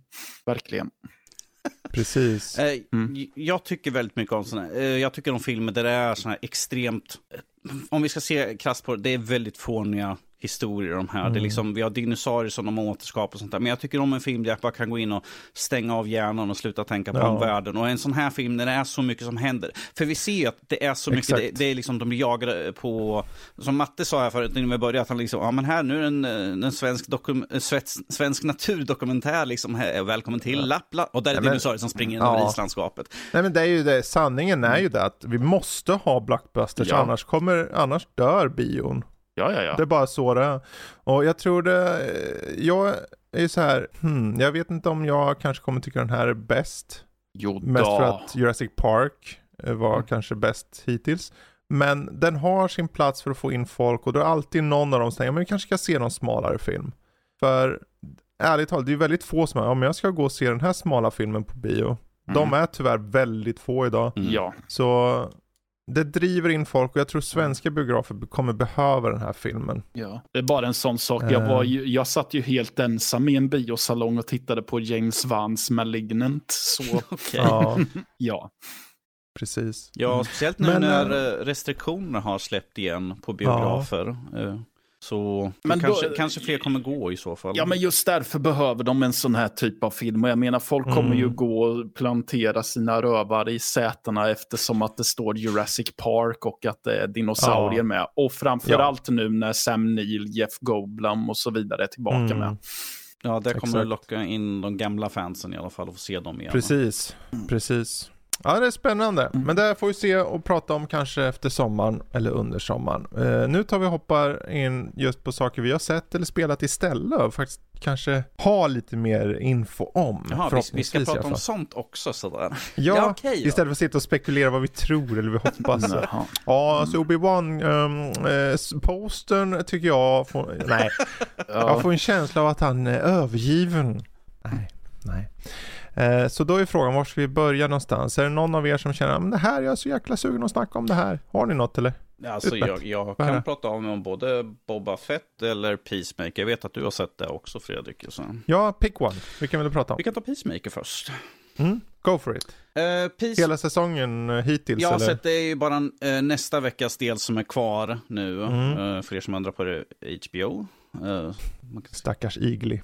Stackars, ja, jo precis. Men eh, i Peacemaker får vi följa John Cenas karaktär från The Suicide Squad. Eh, som The Peacemaker. Han tror på friheten och det spelar ingen roll hur många män, kvinnor och barn som han mördar för att få det. Det är hans tagline mer eller mindre. Och han har en örn som eh, kollega. Eh, Som, Som heter Igli. som heter Igli, vilket folk ifrågasätter. Varför har du ett sånt idiotiskt namn på din, din, få- din fågel? Ska du kalla din hund för hunden, eller vad då för någonting? Dogly, eller vad fan de sa för någonting i delen sådär. Men det här är min kompis, kompis, det är liksom, this is my friend, friendly. Jag har, jag har, har jag, förlåt jag avbryter men eh, Matte, du har inte sett den här Peacemaker va? Nej, jag har en Nej. kollega Jag som har- tjatar på mig att eh, hon tycker jag att har jag en borde svag se den. aning om att du kommer gilla den. Ja, jag har förstått det och jag har tänkt att se den. Om, vi- om, vi, säger, Okej, om, vi säger så, Tillbaka till, Danny. om vi säger så här, jag var, som sagt, jag, innan jag hörde Fredrik prata om det, jag tror det var sist eh, vi spelade in, sist vi var tillsammans sådär, så pratade ju Fredrik om det och jag frågade liksom, är det någonting jag kommer tycka om? För att innan så var jag väldigt emot, för att Peacemaker är den absolut sämsta med The Suicide Squad. Jag hatade honom och jag var, spoiler för Du film. kommer ihåg vad jag sa, vad jag tyckte om han också? Ja, För Jag sa ju samma Ja, sak. men eh, jag tycker om när du tar en karaktär, det här kan ju vara samma sak som vi får med Assassin's Creed, för att huvudkaraktären i den nya Assassin's Creed som kanske kommer i höst. Jag Mm. avskyr honom, för att han är en skit och han förstör hela spelet för mig, enligt speciellt hur spelet slutar. Not talat om det. Men att Peacemaker var det, jag bara, jag avskyr den här fjanten. John Cena är inte heller en stor fan. Jag, eh, som sagt, jag vet att allt jag vet om honom är att han har varit en brottare, men det är typ mer eller mindre vad jag vet. Och det finns massor av sådana här memes, liksom John Cena. Ja, det, det är typ det enda jag vet om Ja. honom också. Så, och jag, jag tycker att han är ingen bra skådis. Men att när vi får den här serien och får mer inblick i karaktären gör att jag kan faktiskt se någonting bakom hans lilla silver, vad, vad de kallar toalettstolar, de kallar att han har på huvudet. Sådär. Så jag tycker det är kul att få se lite mer insidan av och sen hans familjesituation och de som han arbetar ihop. Där där man får reda på väldigt mycket. Det är två till karaktärer som har två stora hemligheter. Säger inte för de som inte har sett. Men jag tycker det är intressant hur de balanserar liksom eh, Peacemakers trassliga familjeliv, hans vad som har lett honom till var han är någonstans och hur han är som karaktär. Plus de två andra karaktärernas hemligheter som man, en får man reda på ganska sent, men en vet man från start hur de balanserar och ser hur de påverkas eh, emotionellt av det som de måste göra och är med i. Plus den udda familjen som de mer eller mindre skapar utav det här gänget. Det, det är liksom drama, det är bråk inom familjen, de svär och går. Det är som en familjemiddag liksom, så vid, vid jul som folk brukar säga att liksom, man sitter och pratar och avskyr varandra och sen är man så glad att slippa se varandra men att man saknar varandra i alla fall. Det är mer eller mindre. Jag trodde inte att jag skulle tycka om den här serien men den är faktiskt bättre. Jag är väldigt nyfiken på hur sista avsnittet kommer bli. För det känns som att vi har eh, betat av ganska mycket, men att det är en stor sak som är kvar. Och Ja, det känns som... bokstavligen. Eh, bokstavligen en stor sak kvar. Jag först... Jag, alltså jag, när jag såg det, jag bara oh my god, vad är det, Det för bör ju någonting? tilläggas här att det är ju väldigt mycket James Gunn över det här. Han, eh, han regisserar flera eller många av avsnitten och har den där råa mixen mellan gore eller blod i alla fall Alltså- och humor. Jag måste säga att jag är Eh. väldigt förvånad, för vi har sexscener, vi har bilder på könsorgan, vi har huvuden Mm. som exploderar, det är liksom ingenting, här skys ingenting, vi är, det är rått och brutalt och samtidigt har vi väldigt djupgående känslor med uppväxt, Och- bakgrund och, Och sånt. helt jävla bonkers Helt saker bonkers, också. Han är, ju, han är ju bokstavligen dum i Jag, må, huvudet jag måste ju också, säga liksom. att uh, öppnings, öppningssekvensen är ju väldigt bonkers också. Ja, Vilket jag, ja, det kan vi ju spoila så att säga. det är på det, ett, att det är ett de- dansnummer. John Det Cena. är intro, introt för bara serien, du vet, presentera namn och Precis. som man Vi gör och har, all, vi har hela casten. John Cena kommer in och dansar liksom sådär. Gör, Och det är superstatiskt med flit också. ja, det Ja, gud. Och det avslutar med att alla poserar på slutet, även örnen. Ja. ja. Nej, jag, jag var helt på din sida där med just, ah, det, jag tyckte så illa om just, jag ville ju att han skulle dö i filmen, för jag tyckte och jag tyckte inte om John Cena, men när jag såg framförallt senaste avsnittet som faktiskt vart lite eh, djurvän som han är Mm. och hans reaktion till vissa saker så, eh, så tyckte jag, ah, han kan, han, han är bättre, jag får, jag får stå för det. Han är bättre än jag trodde. Så enkelt är det och serien håller bra, den är väldigt, eh, jag kan, jag vill, sitt så här, jag, kommer nästa avsnitt snart eller? Typ så. Så väldigt kul överraskning Mm. faktiskt. Bra där, men eh, vi kan hoppa vidare till något helt annat då, så ska jag ta en tv-serie som jag har börjat titta på, som det bara finns tre avsnitt Okej. eh, ute eh, hittills på. Och det heter The Gilded Age. Eh, och det här utspelar sig i New York City under 1880-talet. Det var en boom då, eller ekonomiskt. Eh, och har egentligen eh, väldigt mycket likheter med Downtown Abbey. Eh, vilket inte är så konstigt för den är skapad av och producerad och skriven av samma person. Okej, ja, ja. Eh, och den har den där over the top eh, ari- aristokratin möter de som jobbar under golv, alltså vad heter det, Serv, service, service people. Ja. Vad heter det? Tjänare. Tjänare, betjänter och allt sånt där. Um, Arbetarklassen helt enkelt. arbetarklass och, och betjänter och allt vad det är. Och har en väldigt bra cast. Och i de tre avsnitten hittills då så är den här, det kommer en familj in i, i eh, New York som flyttar in mittemot våra huvudkaraktärer då som, som är nya pengar så att säga. För här i New York har det alltid varit de gamla pengarna som har Och det vet vi regerat. vad de tycker om folk med nya pengar. Ja, ja, ja. Och det handlar om då människor som tjänar pengar på eh, järnvägar och liknande. Eh, och det är cutthroat och allting. Och det, hittills på de tre avsnitten, som det här är HBO Max, eh, så är jag helt hooked. Det är så välproducerat. Det är så snyggt. Och det är så bra skådespeleri. Eh, och så är historiskt drama liksom. Fråga, Och det får, är det någonting som jag skulle kunna uppskatta? jag vet inte. Alltså om du det är så välproducerat, det känns som att även om du inte skulle uppskatta berättelsen så tror jag du skulle uppskatta är, är, hantverket. är, är storylinen och karaktärerna, är de så tillräckligt, har de ett sånt tillräckligt drag att du skulle kunna säga att de flesta skulle kunna uppskatta? Eller Alltså- måste det vara en som kanske tycker om lite mer drama, konflikt på, som Downtown Abbey? Ja, ja, det hjälper ju. Mm. Men jag tror det är ju väldigt mänskliga öden här. Vi har en kvinna vars eh, far går bort och hon lämnas utan pengar helt. Hon måste sälja de, de värdesaker hon har kvar och flytta till New York och hennes fastrar. Och det är därför hon kommer till New York och det är mycket kretsar kring henne. Askungen. Uh, ungefär så. Fast det, där de två fastrarna Eh, en är lite mer strikt och en är betydligt mer liksom öppen. Men hon är en spinster så hon har inga pengar. Mm. Och det handlar mycket om pengar liksom.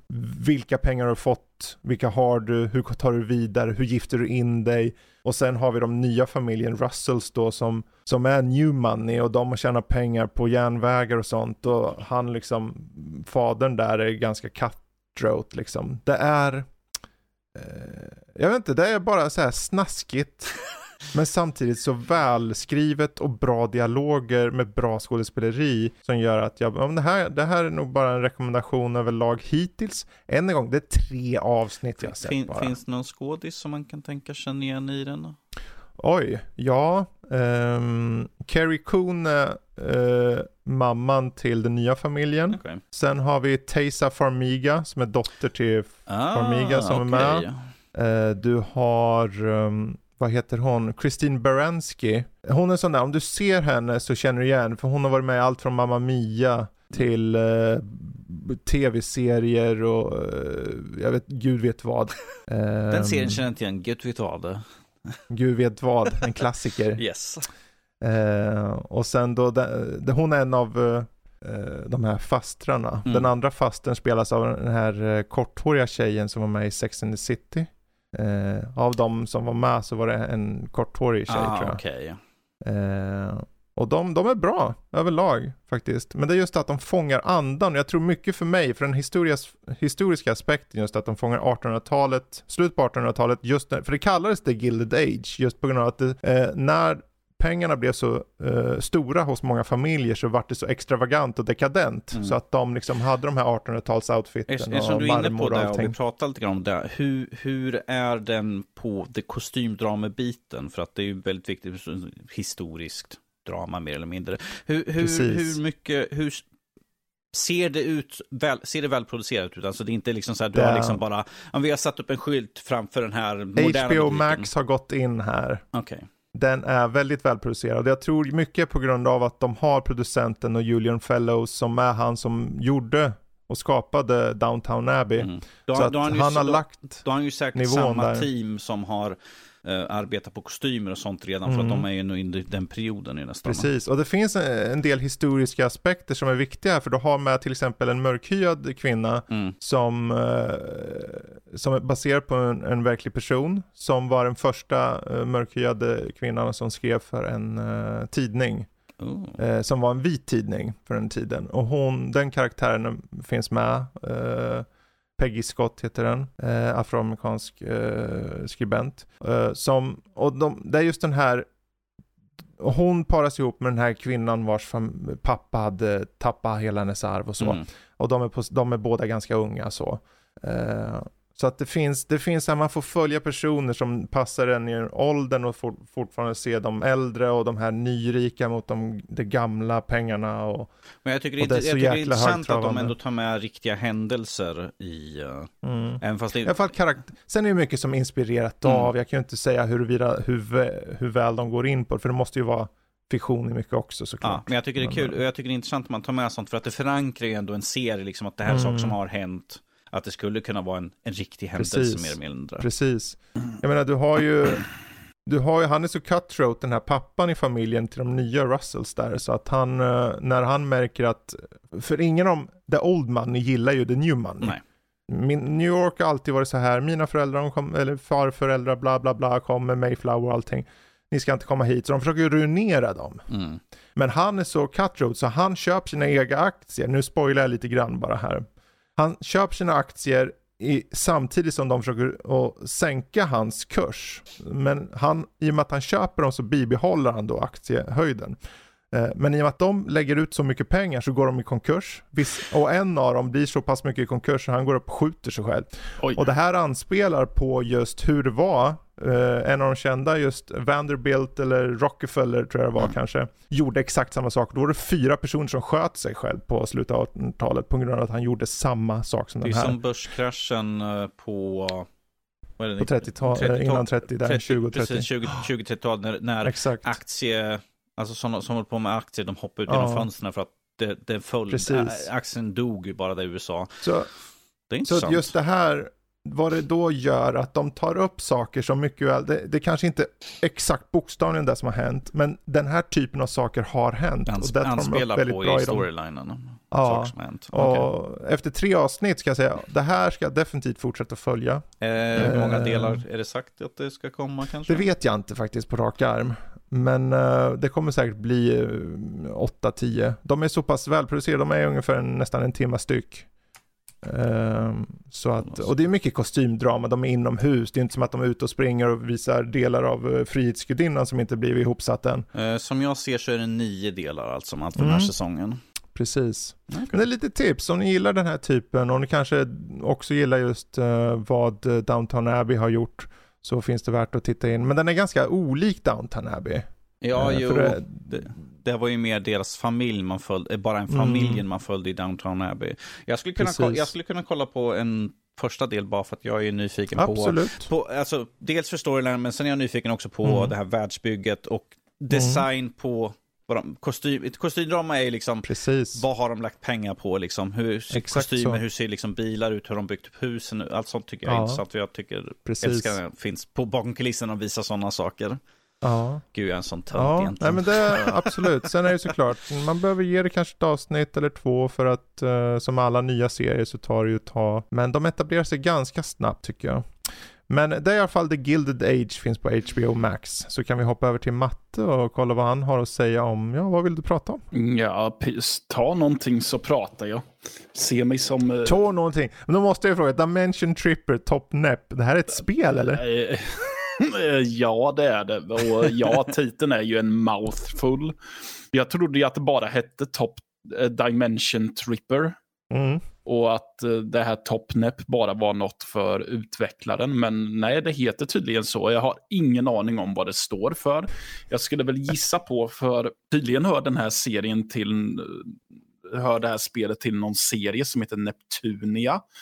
Som hållit på Okej. i ett tiotal år och eh, det, det är en spretig historia när man går igenom och kollar vad det är för spel där. För det har varit något action-RPG, det har varit något eh, kortspel och det, så har det varit turbaserat någon annan Mm. gång. Och så kommer ju då det här spelet och bestämmer sig för att vi ska vara någon slags rail shooter eller någon som, nästan som ett bullet hell-spel, gammalt arkadigt fast vi ser personen bakifrån. Eh, så man är någon karaktär som butikssidan refer- refererar till som Older Neptune. Som flyger med något eh, jetpack på ryggen och har en kanon som man skjuter med. Och så har hon ett svärd Mm. som man kan slåss med också. Och det är allt man gör. Man flyger framåt. Man skjuter på allt som kommer i dess väg. Okej. Och eh, hugger de som är lite väl närgångna istället. Mm. Eh, och du, på arkadmaner plockar du ju poäng för alla fiender du skjuter ner. Även om ibland är det bara som små glada svampar som hoppar upp och ner som Mm. du ska skjuta. Eh, ehm, och när du har kommit upp till en viss poäng så får du en så kallad wingmate vid, vid en sida som bara är en annan karaktär som hjälper till att skjuta. Det, det är ju Mm. lite svårt för jag vet ju inte vad allt det här betyder för jag har inte spelat något av de andra spelen. Jag hade ju inte ens hört talat som spelserien innan. Nej. Eh, nej men alltså det är lite, alltså på, det är lite kul på ett sätt för att det är så bonkers och för att det ändå är så pass rätt fram att det är så, nej men vi vill bara vara en blandning av rail shooter och shoot och eh, bullet hell. För det blir lite bullet hell med bossarna att man måste undvika projektiler och grejer. Mm. Men alltså, och det, det är lite så här, okej nu är den här första bossen tror jag det är, det är en som heter Big Eggplant. Så det är en stor äggplanta som Okej. man ska skjuta ner. Eh, alltså det är ju kul, men alltså, det, det utmanade inte så mycket spelet. Det känns så väldigt lätt. Eh, Mm. Jag reagerade ju på att oh, jag har redan breezat igenom typ två, tre banor på raken. Ja, det, det känns bra. Och så var det ju bara två banor till och sen, sen var det slut. Tredje bossen var väl lite, där dog jag väl kanske två gånger innan jag klarade. Men Mm. det var för att det var så jäkla mycket projektiler där ibland. Men that's it, det är fem banor och fem bossar och sen är spelet slut. Och det, jag sa att det var någon eh, flink jäkel på YouTube som har klarat spelet på typ en kvart. Okej. Så alltså, eh, tanken med spelet är ju att du ska starta om spelet ifrån början och Ah. försöka toppa ditt high score. Ehm, precis. Det finns ju en svårare svårighetsgrad, men vad jag uppfattat så det, vad, den enda skillnaden som sker, det är att för spelar du på den på normalläget, dör du då så får du betala 500 av dina poäng för att återuppliva dig på den punkten där du dog. Det är ungefär som det är många gamla arkadspel som i sin Mm. nyare versioner kör med credits. Mm. För att just Mm. simulera att du har, inte, du har inte råd att trycka continue hur mycket som helst. Det är en arkadmaskin du ska stoppa in pengar på. Precis. Ehm, men det är den enda skillnaden jag upplever. Så jag gissar, Mm. så i den svåra varianten så börjar du om från början om du dör. Sista bossen. Okej. Ah, ah, då fan. Åh, han dödade mig. Men det, är det, här, det, här, det här utseendet som spelet har, det är ju väldigt så här old school, retro. Ja, och väldigt anime-inspirerat också. Men Ja. ja, det är superpixligt och det är ju en färgexplosion så att du nästan Mm. får ont i ögonen ibland också. Nej, det, nu, nu låter det väl lite överdrivet, men det är för humor, humoristisk effekt antar jag att jag säger det. Ja, Men, nej, Ma- men, Mm. det är väl skönt att du får lite färggrant istället för dina sådana här psykologiska dramaspel som du får köra liksom när det är ond, bråd och död och det alla möjliga sådana psyko- Ja, ja, psykoser och sånt där som är gråskala och du bara, ja äntligen lite färg. Jag kan... Ja, ja, men det var, det var väl en skön palettklänsare på ett sätt också. Att köra något som verkligen är lättsamt. Och, eh, alltså, visst, det är väl lite en axelryckning för att du klarar av spelet ganska lätt, men det, det, var också, det, det var också skönt att köra någonting som just bara är lite, ja, men, som bara ut, vill vara en tidsdödare. Att, Mm. ja, men jag vet inte vad jag ska göra nu. Ja, men jag, jag kör lite Dimension Tripper Topnep Mm. istället. Så, eh, Det finns ju en plats för de här spelen som, som man bara hoppar in och kör en stund. Och det, Ja. de behöver inte vara liksom någon slags eh, tjatigt uttryck, men Citizen Kane i spel nej, nej, eh, utan bara en kul stund för stunden. Och sen kanske man glömmer det, eller skulle man inte. Och det är helt okej, va- varken eller. Liksom. Ja, eh, jag tycker väl att det är lite kort, men det, å andra sidan, jag tycker inte att det hade behövt att vara mycket längre heller. Nej, Så. det kanske hade blivit tjatigt om det hade varit för långt i den här typen av spel. jag tror det, och det, det är också skönt för banorna är ganska korta med. Eh, Mm. jag, var, jag var också förvånad för jag trodde att det här skulle bli en plågsam upplevelse för jag fick inte handkontrollen att registrera i spelet. Mm. Och då tänkte jag direkt, åh nej, måste jag köra med tangentbord? Men det funkade faktiskt ganska bra med tangentbord att köra med. För du har bara piltangenterna som du justerar Mm. eh, upp, ner, vänster, höger och med. Och sen hade du bara Z och X, tangenterna, Mm. att bekymra dig om. Vilket, det funkade ypperligt tyckte jag. Ja. Ja, Vad kul. Ja, Ja, och herregud, det kostar 399. ja, ja, ja. verkligen. Det- Det, det kostar 40 Jag spänn. förväntar mig ett 50 timmars spel där, ärligt Det, talat. det är inte direkt Men, förväntat mig att läsa i Mattes recension, så liksom, ah, vänta tills det är priset lite lägre, kanske det är värt det. Så 399. Ja. Ja, men kul. Eh, Dimension Tripper uh, Topnep. Neptune. Topnep. Topnep. Mm. Dimension Tripper Neptune Nej, Topnep. Det är ett jäkla namn. Eh, Va? Eh, Hette det Neptune också? Ja. Nej men vad fan, då har jag till och med misslyckats med att skriva in ett namn här. Jaha. Nej, alltså Okej. här på kortet där som vi Ja, för, ja, i precis. manuskript. Så jag. Manuskript. Låt mig Jag läsa har min skrivit bit. fel. Matte, hur kan du skriva? Det, det, jag tror det ska fel. stå fel, det står ful, men eh, jag tror det är bara någon som har Oj. skrivit fel i manuset. Igen. Åh, gud. Ja, okej. Men apropå ful, jag undrar om Ja. jag ska ta upp Pokémon Legends Arceus. Nej, förlåt. Jaha, är det fult alltså? Fult att ta i. Det blir intressant att Eh. höra liksom Fredrik prata om, för jag vet att Jesper har ju pratat om uh, spelet sådär. Ja, han har pratat om det Han har redan. pratat om spelet, lite grann, hans Okej. intryck sådär. Ja, Vi ska tydligen ja, återkomma igen på det en tredje gång tydligen. Det lär vi behöva, för jag, jag har ju inte kört, jag har ju knappast kört igenom spel, utan det här blir mina första intryck av den biten jag har kört. Mm. Så man får ta det som det är så länge. Eh, och vad de gör här, för ni som har lyssnat på när Jesper var med så berättade han säkert att det är betydligt mer så här lättsamt i det att eh, du tar ut vägen i världen som är lite mer open worldig. Och du kastar mycket riktigt bollar på, på allting du ser. Och du kan fånga dem, du behöver inte gå in i fights. Och går du in i fights, eh, du kastar ut din lilla Pokémon och det blir en liten fight, då kan du gå runt och titta på fighten medan den görs liksom. Mm, okay. eh, så på många sätt och vis är det så skönt att se att äntligen gör Pokémon någonting nytt. Faktiskt. Eh, jag, jag, känner nog att det här är nog starten på en ny typ av serie från dem. Som vågar eh, göra lite nya saker och så. För det här gameplayet med de här typerna av striderna. Eh, du väljer ju dina strider på ett annat sätt då. Det blir en tydlig progression för varje gång du, varje gång du plockar upp en ny Pokémon, oavsett om du redan har den, så ökar alla Pokémon i nivåer. Så det, du får en sån här en morot av att plocka alla Pokémons. Och sen utöver det så är det liksom, okej okay, vad handlar det här om? Jo, det här är typ, utspelar sig innan alla spel om jag fattar det rätt. Så att det är som precis i början av Pokémon-tiden, så att säga. Och din karaktär har ramlat igenom en portal av någon anledning från, från moderna tiden, från liksom nutid till dåtid. Hur kommer det sig? Vad är det som ligger bakom det här hålet i himlen?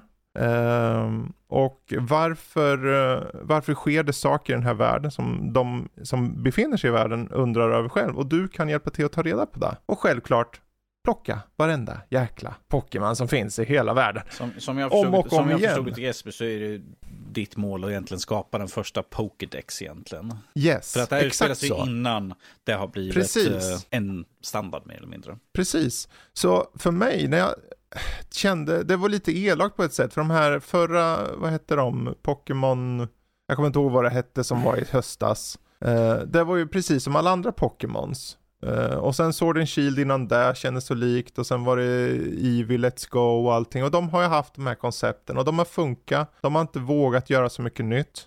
Uh, men nu gör de det. Och jag blir glad att se att de faktiskt vågar. Mm. Um, med det sagt. Mm.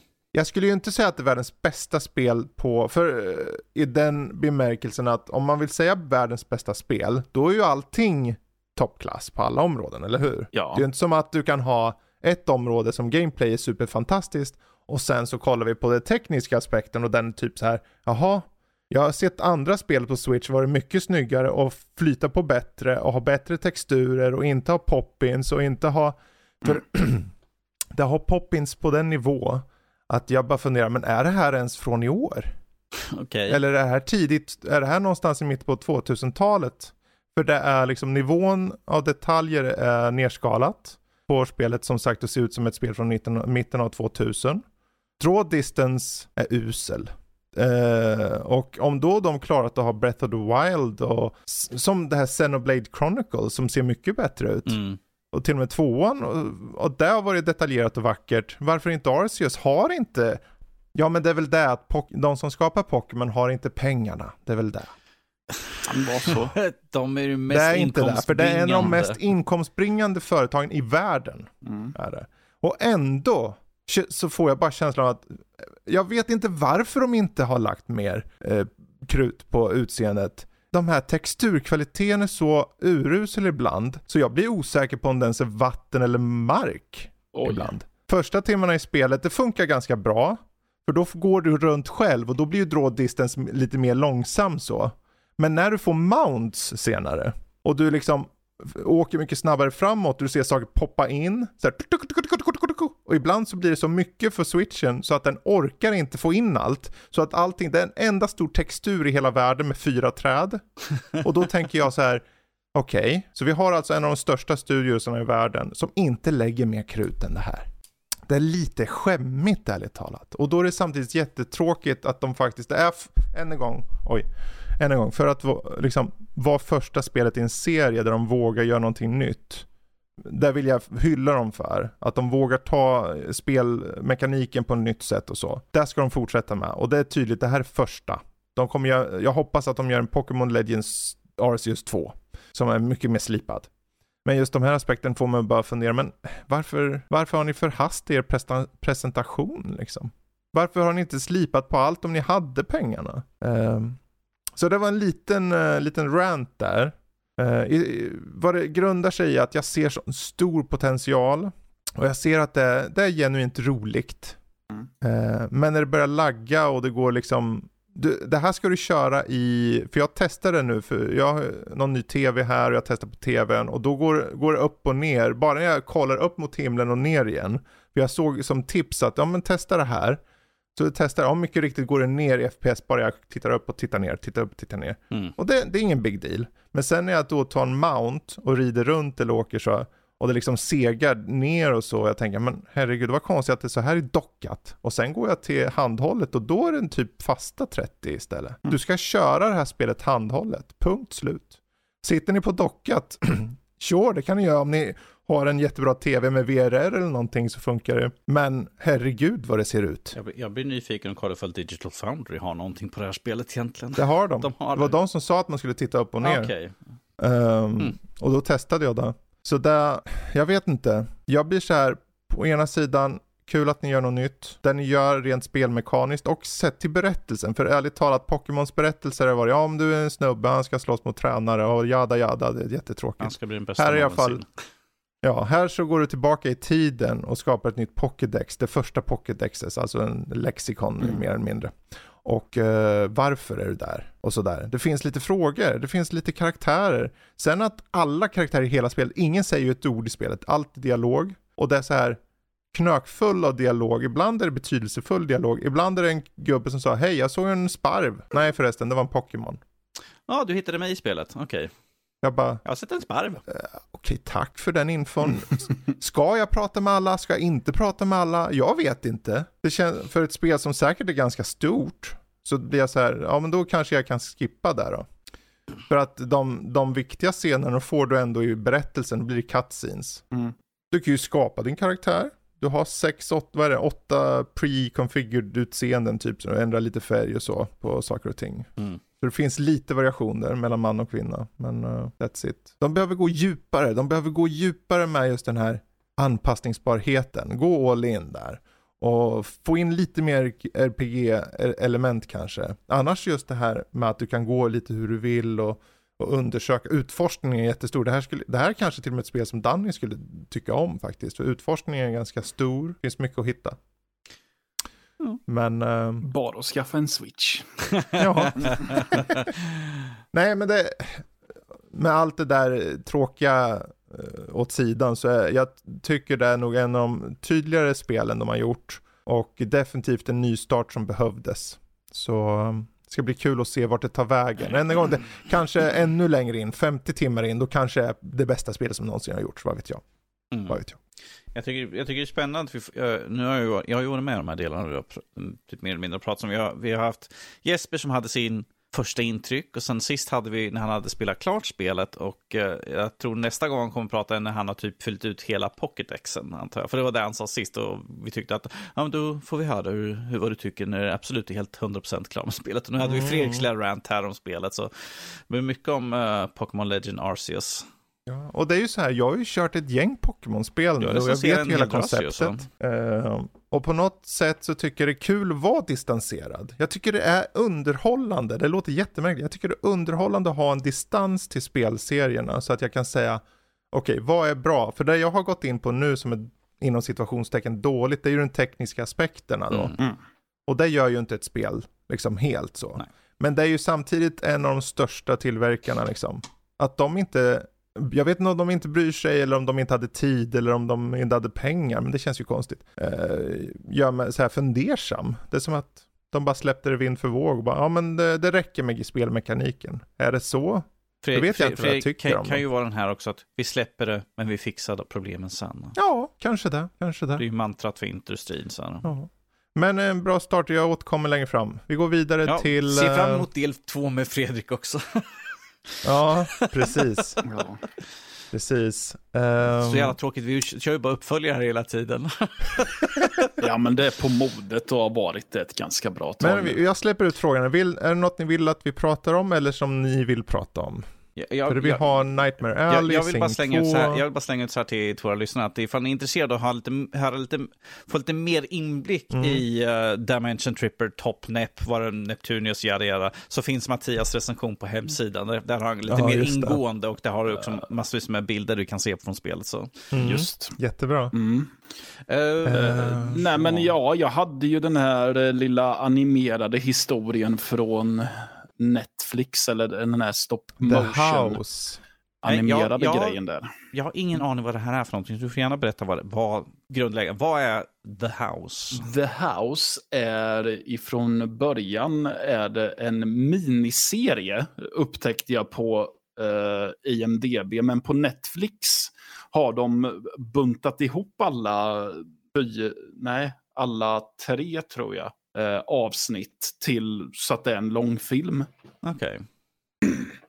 Så det är tre stycken olika berättelser eh, med eh, olika öden. Vi har eh, en familj som lever väldigt fattigt och som helt plötsligt får reda på att nej, nej, men ni, ni, det är en välgörare som eh, vill eh, låta er eh, flytta in i ett helt nybyggt hus. Ni behöver inte betala någonting för det. Och ni Jag kommer få dåliga vibbar. Det och ni kommer få en tjänare och allting så. Huset kommer vara jättefint. Och eh, förutsatt att ni flyttar ut omgående och att ni låter oss riva det här huset. Som ni bor i just nu. Okej. Mm. Ja, eh, så. Och så har vi en, eh, en snubbe som är en mäklare som håller på och renoverar ett hus. För att folk ska, mm, för att sälja vidare till eh, köpare. Mm. Och där han upptäcker att det är en jävla massa kackerlackor i, den, i det här huset. Okej. Ja, så att försöka få i ordning på det och sen försöka få det sålt till ett vettigt pris. Och sen har vi då i en framtid där hela världen har svämmat över så är det en hyresvärd som är utled på li livet att uh, gå och tjata om att hennes hyresgäster måste betala hyran. Uh, och att hon längtar bort därifrån. Och så, I alla fall, alla de här historierna kretsar på ett eller annat sätt kring det här huset då, som jag nämnde i början. Och eh, det är en väldigt underlig, det, det, är väldigt underliga berättelser där, för det händer väl egentligen rent handlingsmässigt inte så jättemycket förutom just det här som jag stakat ut så. Men, eller ja, det är klart att det händer mycket mer då, men där är det så mycket visuellt som sker. För det är mycket så här att till exempel när man i den här första berättelsen när man får se en eh, utomhusbild på huset så, för, så ser man hur, den, hur det sakta men säkert ändras så att det blir till samma form som en creepy karaktär som dyker upp och eh, tittar på dottern i familjen emellanåt. Eh, Okej. Ja, så. Det är ju väldigt... eh, Den visar ju misär på ett eller annat sätt, filmen, i de här berättelserna och har en... På ett sätt som, jag ska inte säga att de förl- förlöjligar eller direkt vältrar sig i det heller. Den har en väldigt mörk humor på ett sätt. Det vill säga en humor som dels gör situationen rolig, men att det samtidigt är en underton med att, ja fast nej, det där suger ju. Så, Mm. ja. Eh, det är en väldigt långsam film, är det så. Man ska verkligen se till att man har tiden att orka investera sig i den och iaktta vad som händer. Så det är ju väldigt mycket konstfilm över den med. Eh, Jag, jag, jag gick in på IMDB bara för att kolla upp det här, men jag, jag Ja. känner att en sak som du verkligen har missat att berätta vad, vad, vad det är för någonting. Att det, det är inte en live action. Nej, precis. Det kan jag, Jag, ju säga. jag nu. hoppade in och kollade jag bara, Mm. är det här det han pratar om? Jag har inte Ja. fått den bilden alls. Nej, ja. Nej men okej då. Det är en eh, stop motion animerad film. Och i den första berättelsen så ser det ut som eh, typ små tygdockor ungefär. Som i eh, sådana här gamla mm, tjeckiska dockfilmer som gick på SVT nästan. Gud. så. Eh, med Ja. lite så här att man, man ser att det är, är det någon som gråter så är det verkligen feta vattendroppar som rinner längs med kinden. Och när det är eld så ser man att det är att man har, har något slags tyg som man rör på. Mm. Men sen är det, eh, de andra två är väl lite mer modernare i sitt utseende och då är det ju eh, antropomorfiska figurer. Mm. Som den här snubben som eh, renoverar huset, han är en eh, råtta också. Och det finns en symbolik som de belyser i slutet av, eh, av det avsnittet eller den delen. Mm. Och så det sista så är ju huvudpersonen där en katt. Och så är det lite andra djur där också, har jag för mig om. Mm. Det låter lite, lite mysigt ändå, men det låter väldigt suggestivt. Den är väldigt Alltså. suggestiv. Den, Ja. är väl, den, den är så här, den är väldigt stämningsfull, och den, men den är väldigt subtil med vad den vill ha sagt med sin stämning Mm. också. Det är inte att det ska vara skräck eller thriller nödvändigtvis, men den är väldigt påtaglig och väldigt, vad ska man säga, hypnotisk på något sätt. Så. Mm. Eh, Atmosfärisk. Liksom. Ja, det, alltså det är verkligen en eh, film som man ska sitta och ta in Mm. på något sätt. Så, ja, men Ja. Den, den är väldigt intressant. Det är också väldigt svårt att säga rent ut sagt om det här är bra eller dåligt för att eh, det, nu kommer det låta så pretentiöst med att det är ju en upplevelse så du ska sitta och titta på det här och reflektera över vad gör den här Ja. upplevelsen med mig? Vad får den här upplevelsen mig Mm. att känna? Intressant. men jag kan väl försöka vara krass och säga jag tycker att den är bra och jag tycker att den är sevärd. Mm. Ja, Härligt. ja, The House på Netflix. ja. Ja. med röstskådespelare som bland annat Helena Bonham Carter och Sven Wollter. Nej men gud. Ja, Gammal. han som har gått bort också. Ja, exakt. Ja, ja intressant. Ehm, jag funderar på om jag ska snacka lite om Nightmare Alley. Eh, känner ni till Nightmare Alley? Nej. Yes. Uh, Guillermo del Toros nya film. Oh, ja, då vet jag vad det är. eh, för- Noir eh, 40-tals drypande rulle eh, som utspelar, eh, som handlar om en man som, hela berättelsen börjar med att han bränner ner ett hus. Och tyst, eh, jag tror det är en kvart eller en, nästan 20-30 minuter som går innan han säger sin första replik. Spelad av Bradley Cooper. Eh, han eh, flyr på, känns det som, till, eh, ut på vägarna och kommer så småningom med i en, så här, uh, vad heter det? Traveling Carnival. Mm. Eh, där han då gör lite småjobb och sånt och sakta men säkert tar sig upp eh, till olika typer av eh, jobb på karnevalen. Träffar en tjej och eh, hennes eh, kille som är en, typ som en mentalist. Vet har tricks hur man läser folk. Ehm, och där har vi egentligen hans resa då. Vart kommer han ifrån? Mörkret han bär inom sig och eh, hur det påverkar honom i långa loppet. Hur det påverkar honom att lära sig den här mentalismen, eller man ska kalla det, att läsa folk. Eh, och hur långt går man för att nå framgång? Mm. Eh, jag vet inte om jag tycker om den ens. Jag vet inte om jag tycker illa om den. Jag, jag satt efter den och satt bara så här, för den är två och en halv timme lång. Mm. Och det kändes ibland, men samtidigt den är så välagerad och har så, så, sådana skådisar i den. Det är Will, Willem Ja. Dafoe och det är Kate Blanchett och det är Jag satt eh, Eh, tyst och kollade igenom och Tony häpnades. Och, ja, Ron Perlman. Alltså jag satt och häpnades över ensemblen. ja. Får- Mm. Och hela filmen, en sån hommage till 40-talet. Det har till och med så här övergångar, du vet när man, det ser ut som att de bränner kanterna på filmrullen och går eh, och fejdar Mm. istället för att ha, eh, han har verkligen lutat så djupt in i den här 40-tals noir-feelingen. Alltså att den har en somber, tryckande stämning genom hela jäkla filmen. Man Mm. tänker det är något som går åt helvete. Problemet är att de hela tiden lägger fram saker, ni vet Chekhovs gun, om man visar en Mm. sak, det ska leda till något. Det ska vara med. Men ibland har de med saker som jag inte riktigt mot slutet av filmen, men vad betyder det här? Betyder det ens något? Ville Toro att det skulle betyda något? Eller var det bara en sak? Fredrik, Ja. eh, eftersom du har sett filmen och du har Mm. sett trailern för den.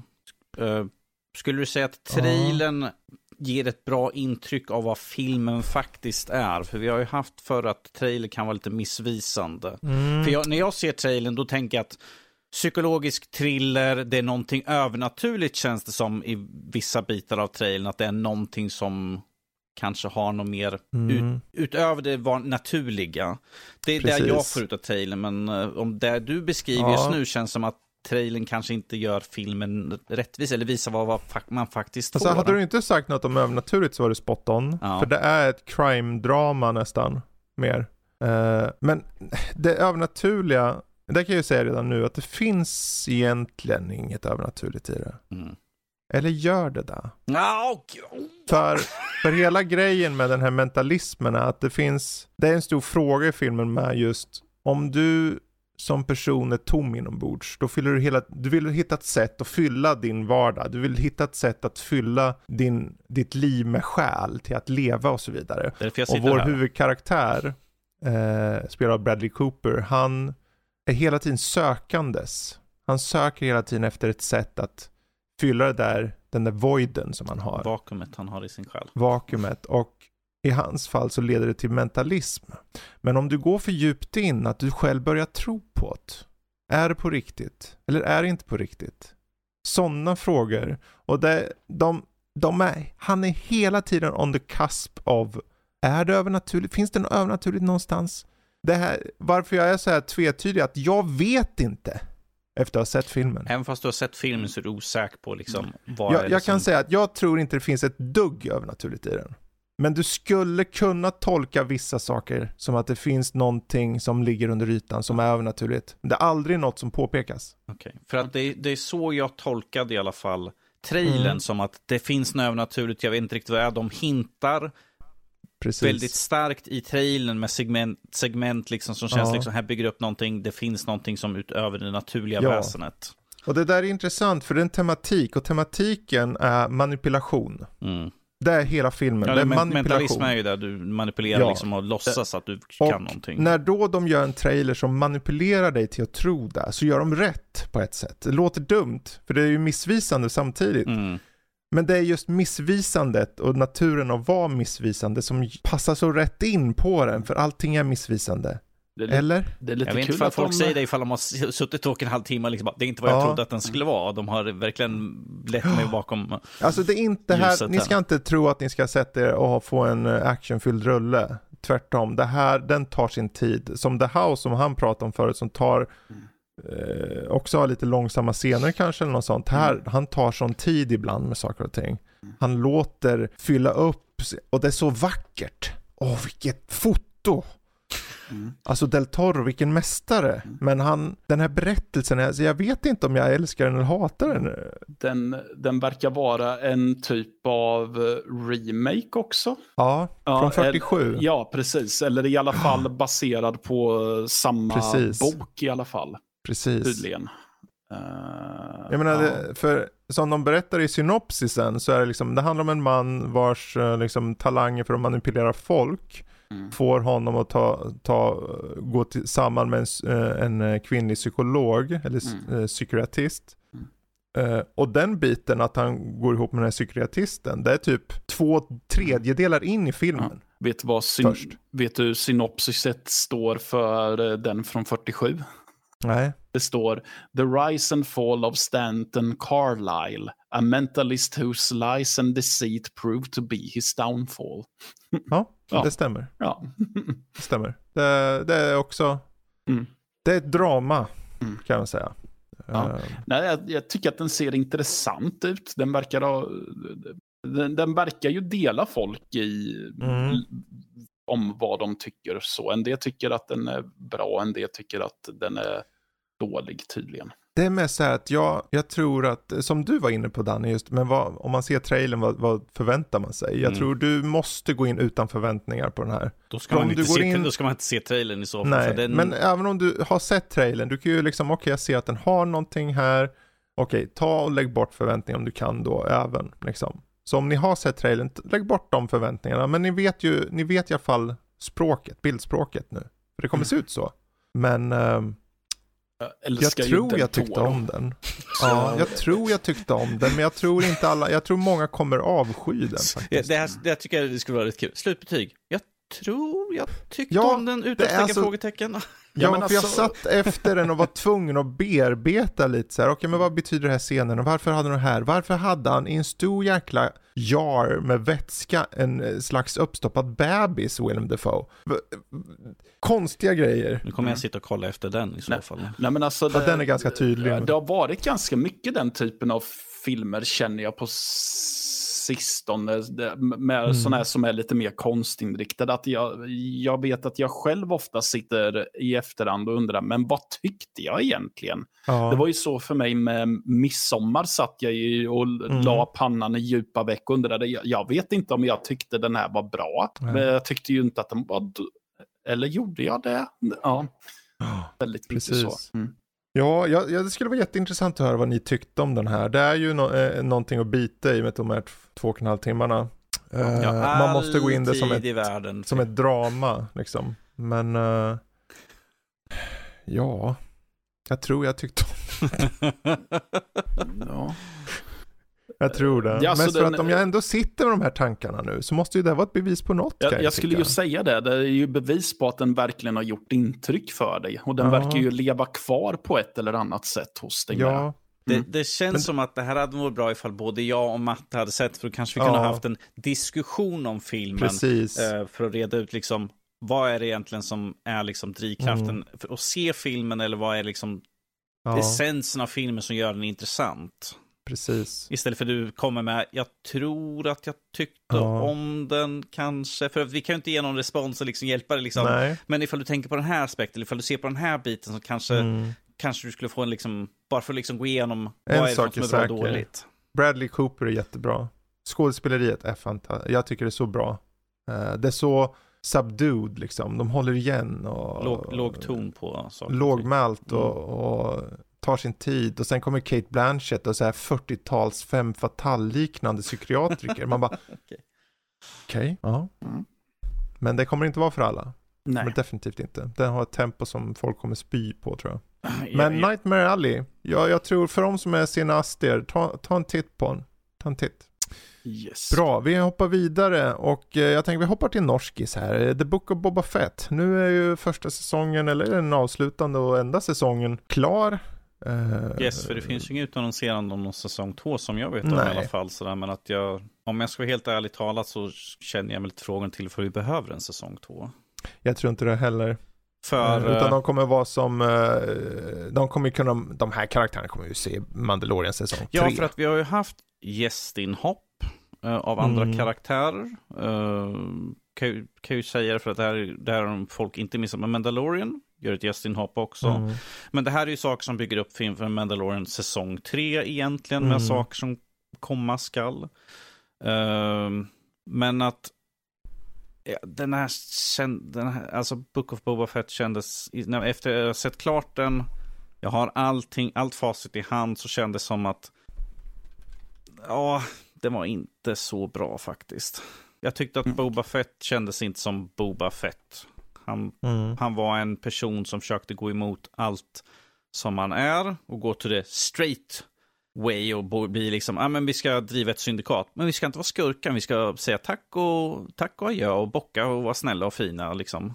Det, kän, det känns som att du har tagit bort allt som jag har tyckt och tänkt att Boba Fett, jag har läst serietidningar, jag har läst böcker, liksom Boba Fett, han är en brutal Bounty Hunter. Och här är det liksom så att nej, men vi ska hjälpa folket. Jag, här, låt mig ta din hand så hjälper jag dig upp här. Det, det känns som det gick ifrån. Och sen de tre sista delar var egentligen tre och en halv, eller två och en halv delar kan jag säga, var ju mer eller mindre inte Boba Fett egentligen. Vi gick så långt, vi går så ifrån Boba Fetts roll egentligen är han är bossen, men att han är inte boss över någonting. Mer eller mindre tyckte jag att det kändes som. För att det var inte han som tog egentligen besluten. Vi hade han, vad heter hon? Han, hon uh, Fennec Chan. Fennec Chan känns som att ha mer drivkraften bakom alltihopa. Och sen de här skotergänget som är hans gäng nu är, kändes mm. bara liksom, jag bara, my god, the mods som de också kallas. Precis. liksom, jag bara, vad och är det? Och på Vesper liksom. Och på neonfärgade vesper och Uh, nej. Ja, ja, ifall de kommer med en säsong två så känner inte jag mig som man att se för att intresset för Boba Fett har liksom verkligen svalnat av där. Jag är mer mm. intresserad av att se Mandalorian och de andra serierna. Ja, Ja, jag skulle ju säga, för min del, jag tyckte den inte var så dålig. Jag skulle säga att den är, den är okej. Okay. Den, den, är inte den går att se, men att jag är så besviken på Jag känner väl att, som Andor till exempel, den tycker jag, den har jag noll intresse ja, av. Det finns jag ingen ser... anledning att se den. Nej. Då skulle jag ju se den här hellre. Ja. Jag i alla fall. Mm. Uh, och den ger ju ändå, och no, självklart, det är som du säger, för de sista avsnitten där, särskilt de, uh, ne, vad blir det, de... inte sista men de två innan som hade mycket med uh, spoilers. Ja. Luke Skywalker och uh, den här Mini Yoda Grogu. Grogu. Och sen uh, liksom Mandalorian. Det är de som gjorde säsongen liksom. Mm. och sen avslutar du hela där tillbaka på Tatooine i sista då och alla samlade. Uh, när man har hela säsongen så jag skulle ju inte säga att man inte ska se den. Jag tycker att ni ska se den. Uh, ha bara inga förväntningar utan se den mer som en inför på The Mandalorian. Då kan du skippa till typ, vad är det, del 5 och 6. Ifall du får inför ja, Mandalorian. Fast då fattar du ju inte varför Boba Fett plötsligt tagit över för Jabba the Hutt liksom. Nej men alltså jag menar ifall du är ute efter Mandalorian så kan du bara se de delarna där Mandalorian är med. Ja egentligen. men eh, då är, du behöver ju ha även honom och kontexten för honom. Eh, till varför situationen är på den här planeten som den är liksom. Eh, för det är ju inte så många avsnitt ändå. Vad var det, sju avsnitt? Ja, det är ju inte hela världen. Det är ju inte som att det var 40 avsnitt. Nej, eller nej. 24 eller någonting. Så, men uh, han tar över efter Jabba the Hutt kan man säga och han försöker vara crime lord och det går som det går. Uh, men det finns ju intressanta bikaraktärer som kommer med honom. Framförallt är det ju den här Chewbacca-liknande, vad heter han? Uh, Santi någonting. Mm. super badass Wookie. Uh, och Mingna Wen som Fennec Chan tycker jag var okej. Okay, det finns en del ändå. Men det är ju det som är det tråkiga och det är det som du var inne på. Eh, att eh, Boba Fett i sig var mest tam. Så. Man tyckte att han skulle ha mer. Även om jag tyckte de första avsnitten var okej. Särskilt andra avsnitten med den här tågjakten och, och Tusken Raiders och allting som han blev en del av. Mm. Tyckte jag var okej. Um, men uh, ja.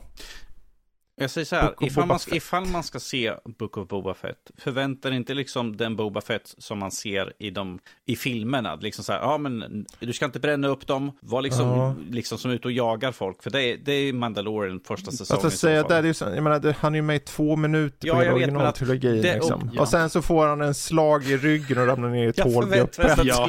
att det skulle hända något sånt igen. Det är inte här. som att vi säger, ja men han var alltid så bra, han var minsann den bästa i världen. Okej, okay. Nej men han var ju en sopa. Läst, om du har läst läst Extended, förvänta dig inte någonting du har läst Ingen därifrån. läser Extended. No. Ingen vettig människa då? Okay. Ja, men jag är inte vettig så jag räcker upp handen i alla fall här. Ja. Alltså, ja, nej men absolut. Man ska absolut. se den inför man vill ha inför de andra serierna, för att den har ju mm. anspelningar mm. till de andra serierna. Men att ja. du ska inte se den enbart för att det är Boba Fett, utan du ska se nej. den för att det är en del av det här universumet de bygger upp Precis. i så fall. Vill, jag kan väl Precis. säga det på det sättet då, ifall man ja. ska se den. Håller med, håller med. Ja, men uh, Book of Boba Fett. Um, Ifall det kommer en säsong två så vet jag inte riktigt vad de ska göra för någonting. Nej, inte jag heller, men det finns ju alltid något man kan göra antar jag. Om vi säger, men det är väl där man skulle ta sig iväg från planeten Om vi säger så här, jag menar, även fast hans hela mål med det här är att bli domino och vara liksom, han ska vara chef över alltihop och slutar det mer eller mindre att det liksom de bara, mm, jaha, är det, daimyo, är det här där vi ska vara? Liksom, ja, men det kanske inte är för oss. Liksom, man bara, varför, varför har vi det här för ifall ni liksom bara tar och kommer? Liksom, det kanske inte är riktigt för oss egentligen. Sådär. Mm, det blir en musikal. Lämna Fenix Shand för att hon verkar vara den som är liksom, den som vill vara, Precis. kan och vara en, en, boss liksom där. Jag menar, hon ströp ju en sån där uh, sköldpaddsgubbe. Jag vet inte vad de heter, så, den är väl rymdvalsen, och sån så här konstig huvud. Jag, jag, jag väljer att ja. uh, sköldpaddsgubbe är den officiella termen. ja, jösses. Men uh, om vi ska avsluta med lite Not for Broadcast kanske? Ja, det kan man göra. Ja, för du, du körde ju ursprungligen, jag kommer ihåg, du gjorde ju förhandstitt ja, på det här men... för ett gäng, jag vet inte när det var, ett par år sedan kanske? Det var två år sedan, det kollade jag själv. Och, Vad är det för något till att börja med då? Uh, ja, det är väl någon slags eh, simulator där man spelar en uh, snubbe som, uh, eller snubbinna, det är en grej. Mm. De, de, de håller det väldigt könsneutralt. gör de. Eh, huvudpersonen heter Alex Winston. Alex kan vara både Alexander, Alex eller Alexis, Alexandra.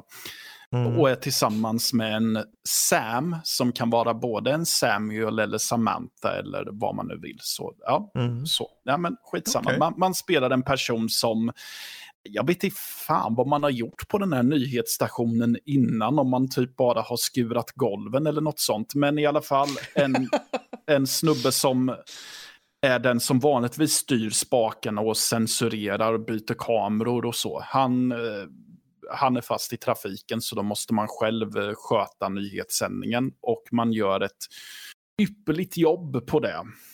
Så då får man fortsätta och karaktären typ blomstrar väl. Nej men så vi, det, det är väl det som eh, är spelets paraddel. Det är ju just när Mm. du sitter och får... Det är faktiskt ganska underhållande att man själv sitter och tänker så här, men jag är ju grym på det här med att redigera. Framförallt när man får tillfällen att redigera um, musikframträdanden och grejer. Det var faktiskt ganska kul att försöka, när man fick en bild på hur alla kameravinklar såg ut och sen, ja nu blir det jättesnyggt att byta till den här. Sen är det lite träligt att du måste censurera svordomar mitt i låtar Mm. också. En del, inte, både artister och intervjuoffer svär ju i va- var och varannan mening eftersom att de är britter. Så, I bubbla. så får man sitta och De trycka bara, på den där. Darn.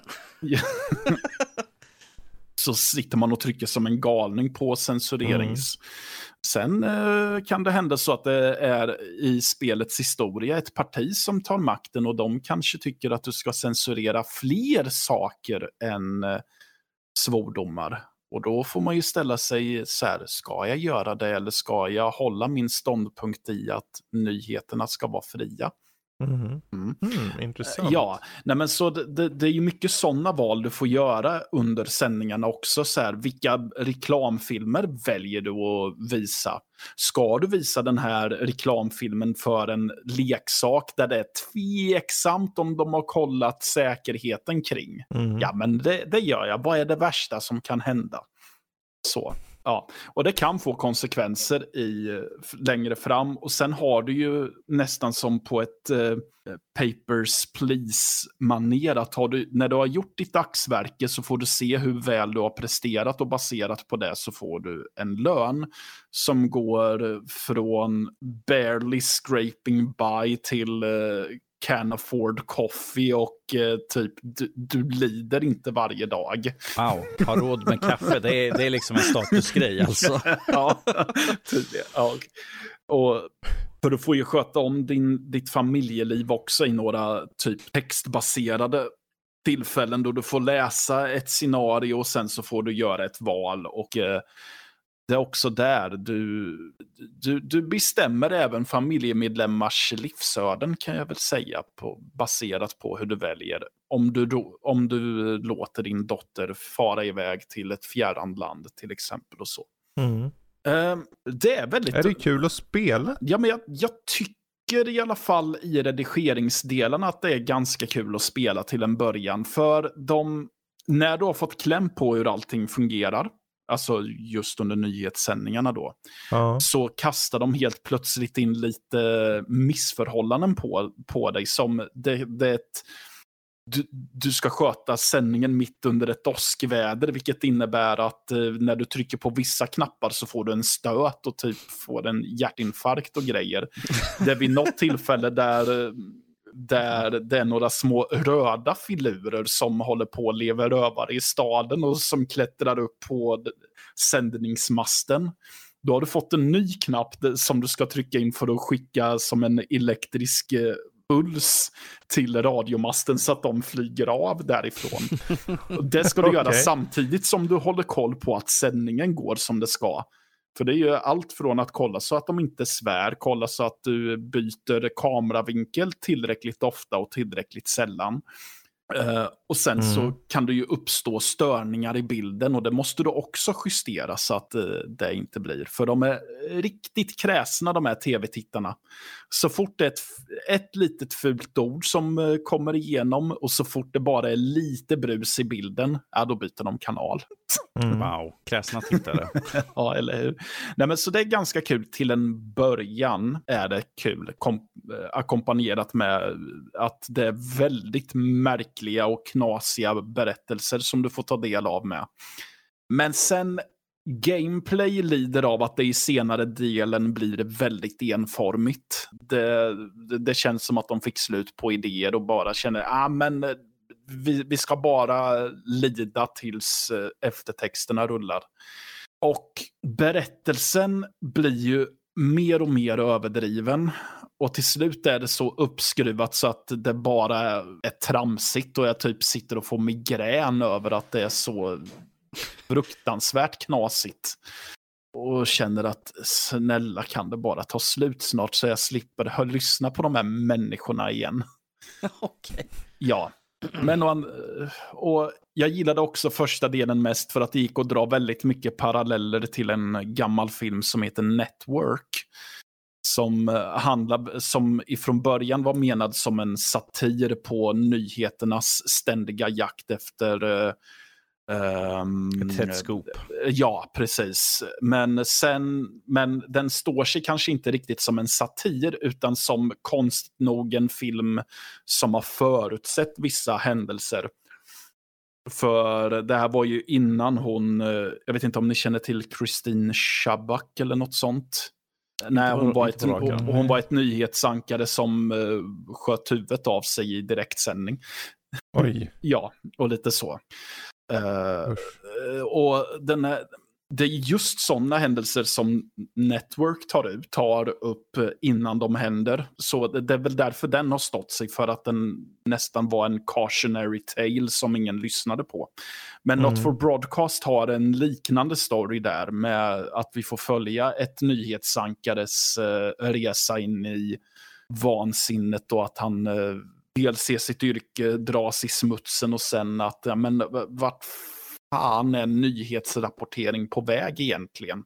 Så det, det är ju en satir på det sättet också om, va, om hur nyhetskanaler mer och mer börjar tappa sitt värde och att de kanske snarare byts ut mot eh, eh, program som Oprah och liknande. Mm. Mm. Så mm. det är ett intressant spel. Det håller väl inte riktigt hela vägen i mål, men jag tycker att det ändå är värt att kolla in. Alltså det, det, mm. det känns unikt och för att vara ett så kallat FMV-spel så tycker jag ändå att de har ändå hittat skådespelare som presterar på en acceptabelt bra nivå tycker jag. Mm. Eh, så några är faktiskt riktigt bra. Så, och eh, som sagt, det är kul till en början. Sen blir det lite väl tramsigt och fånigt. Mm. Ja, men eh, det är kul med den här typen av lite mer det är annorlunda spel bara helt enkelt. Ja, men precis. Det, det, rensa paletten lite där. Ja. Men not for broadcast. Precis. Jag, jag, tycker det är kul, jag kollar precis upp den på hemsidan. Det är nästan exakt två år emellan. Mm. Förhandstiteln kom ut februari, den 10 februari 2020 och uh, Mattes recension på fulla spelet är 2 februari 2022. Mm. ja, det... det är liksom mm. två ja. åtta dagar emellan så. Mm.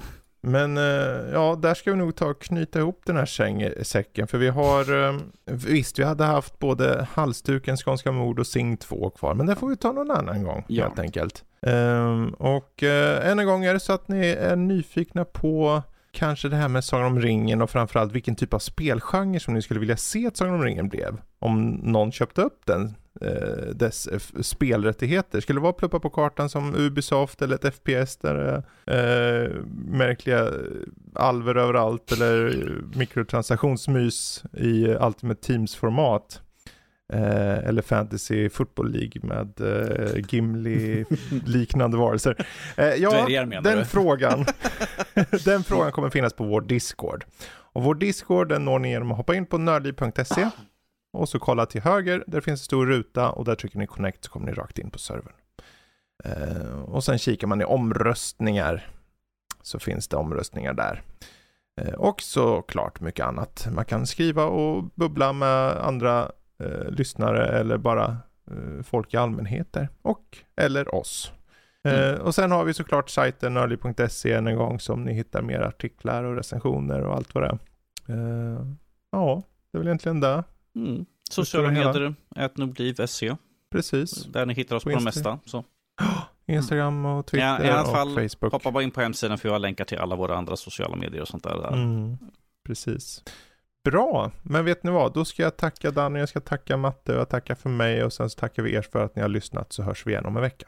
På ett Mm. eller annat sätt. Mm. Hej då allihopa! Hej då.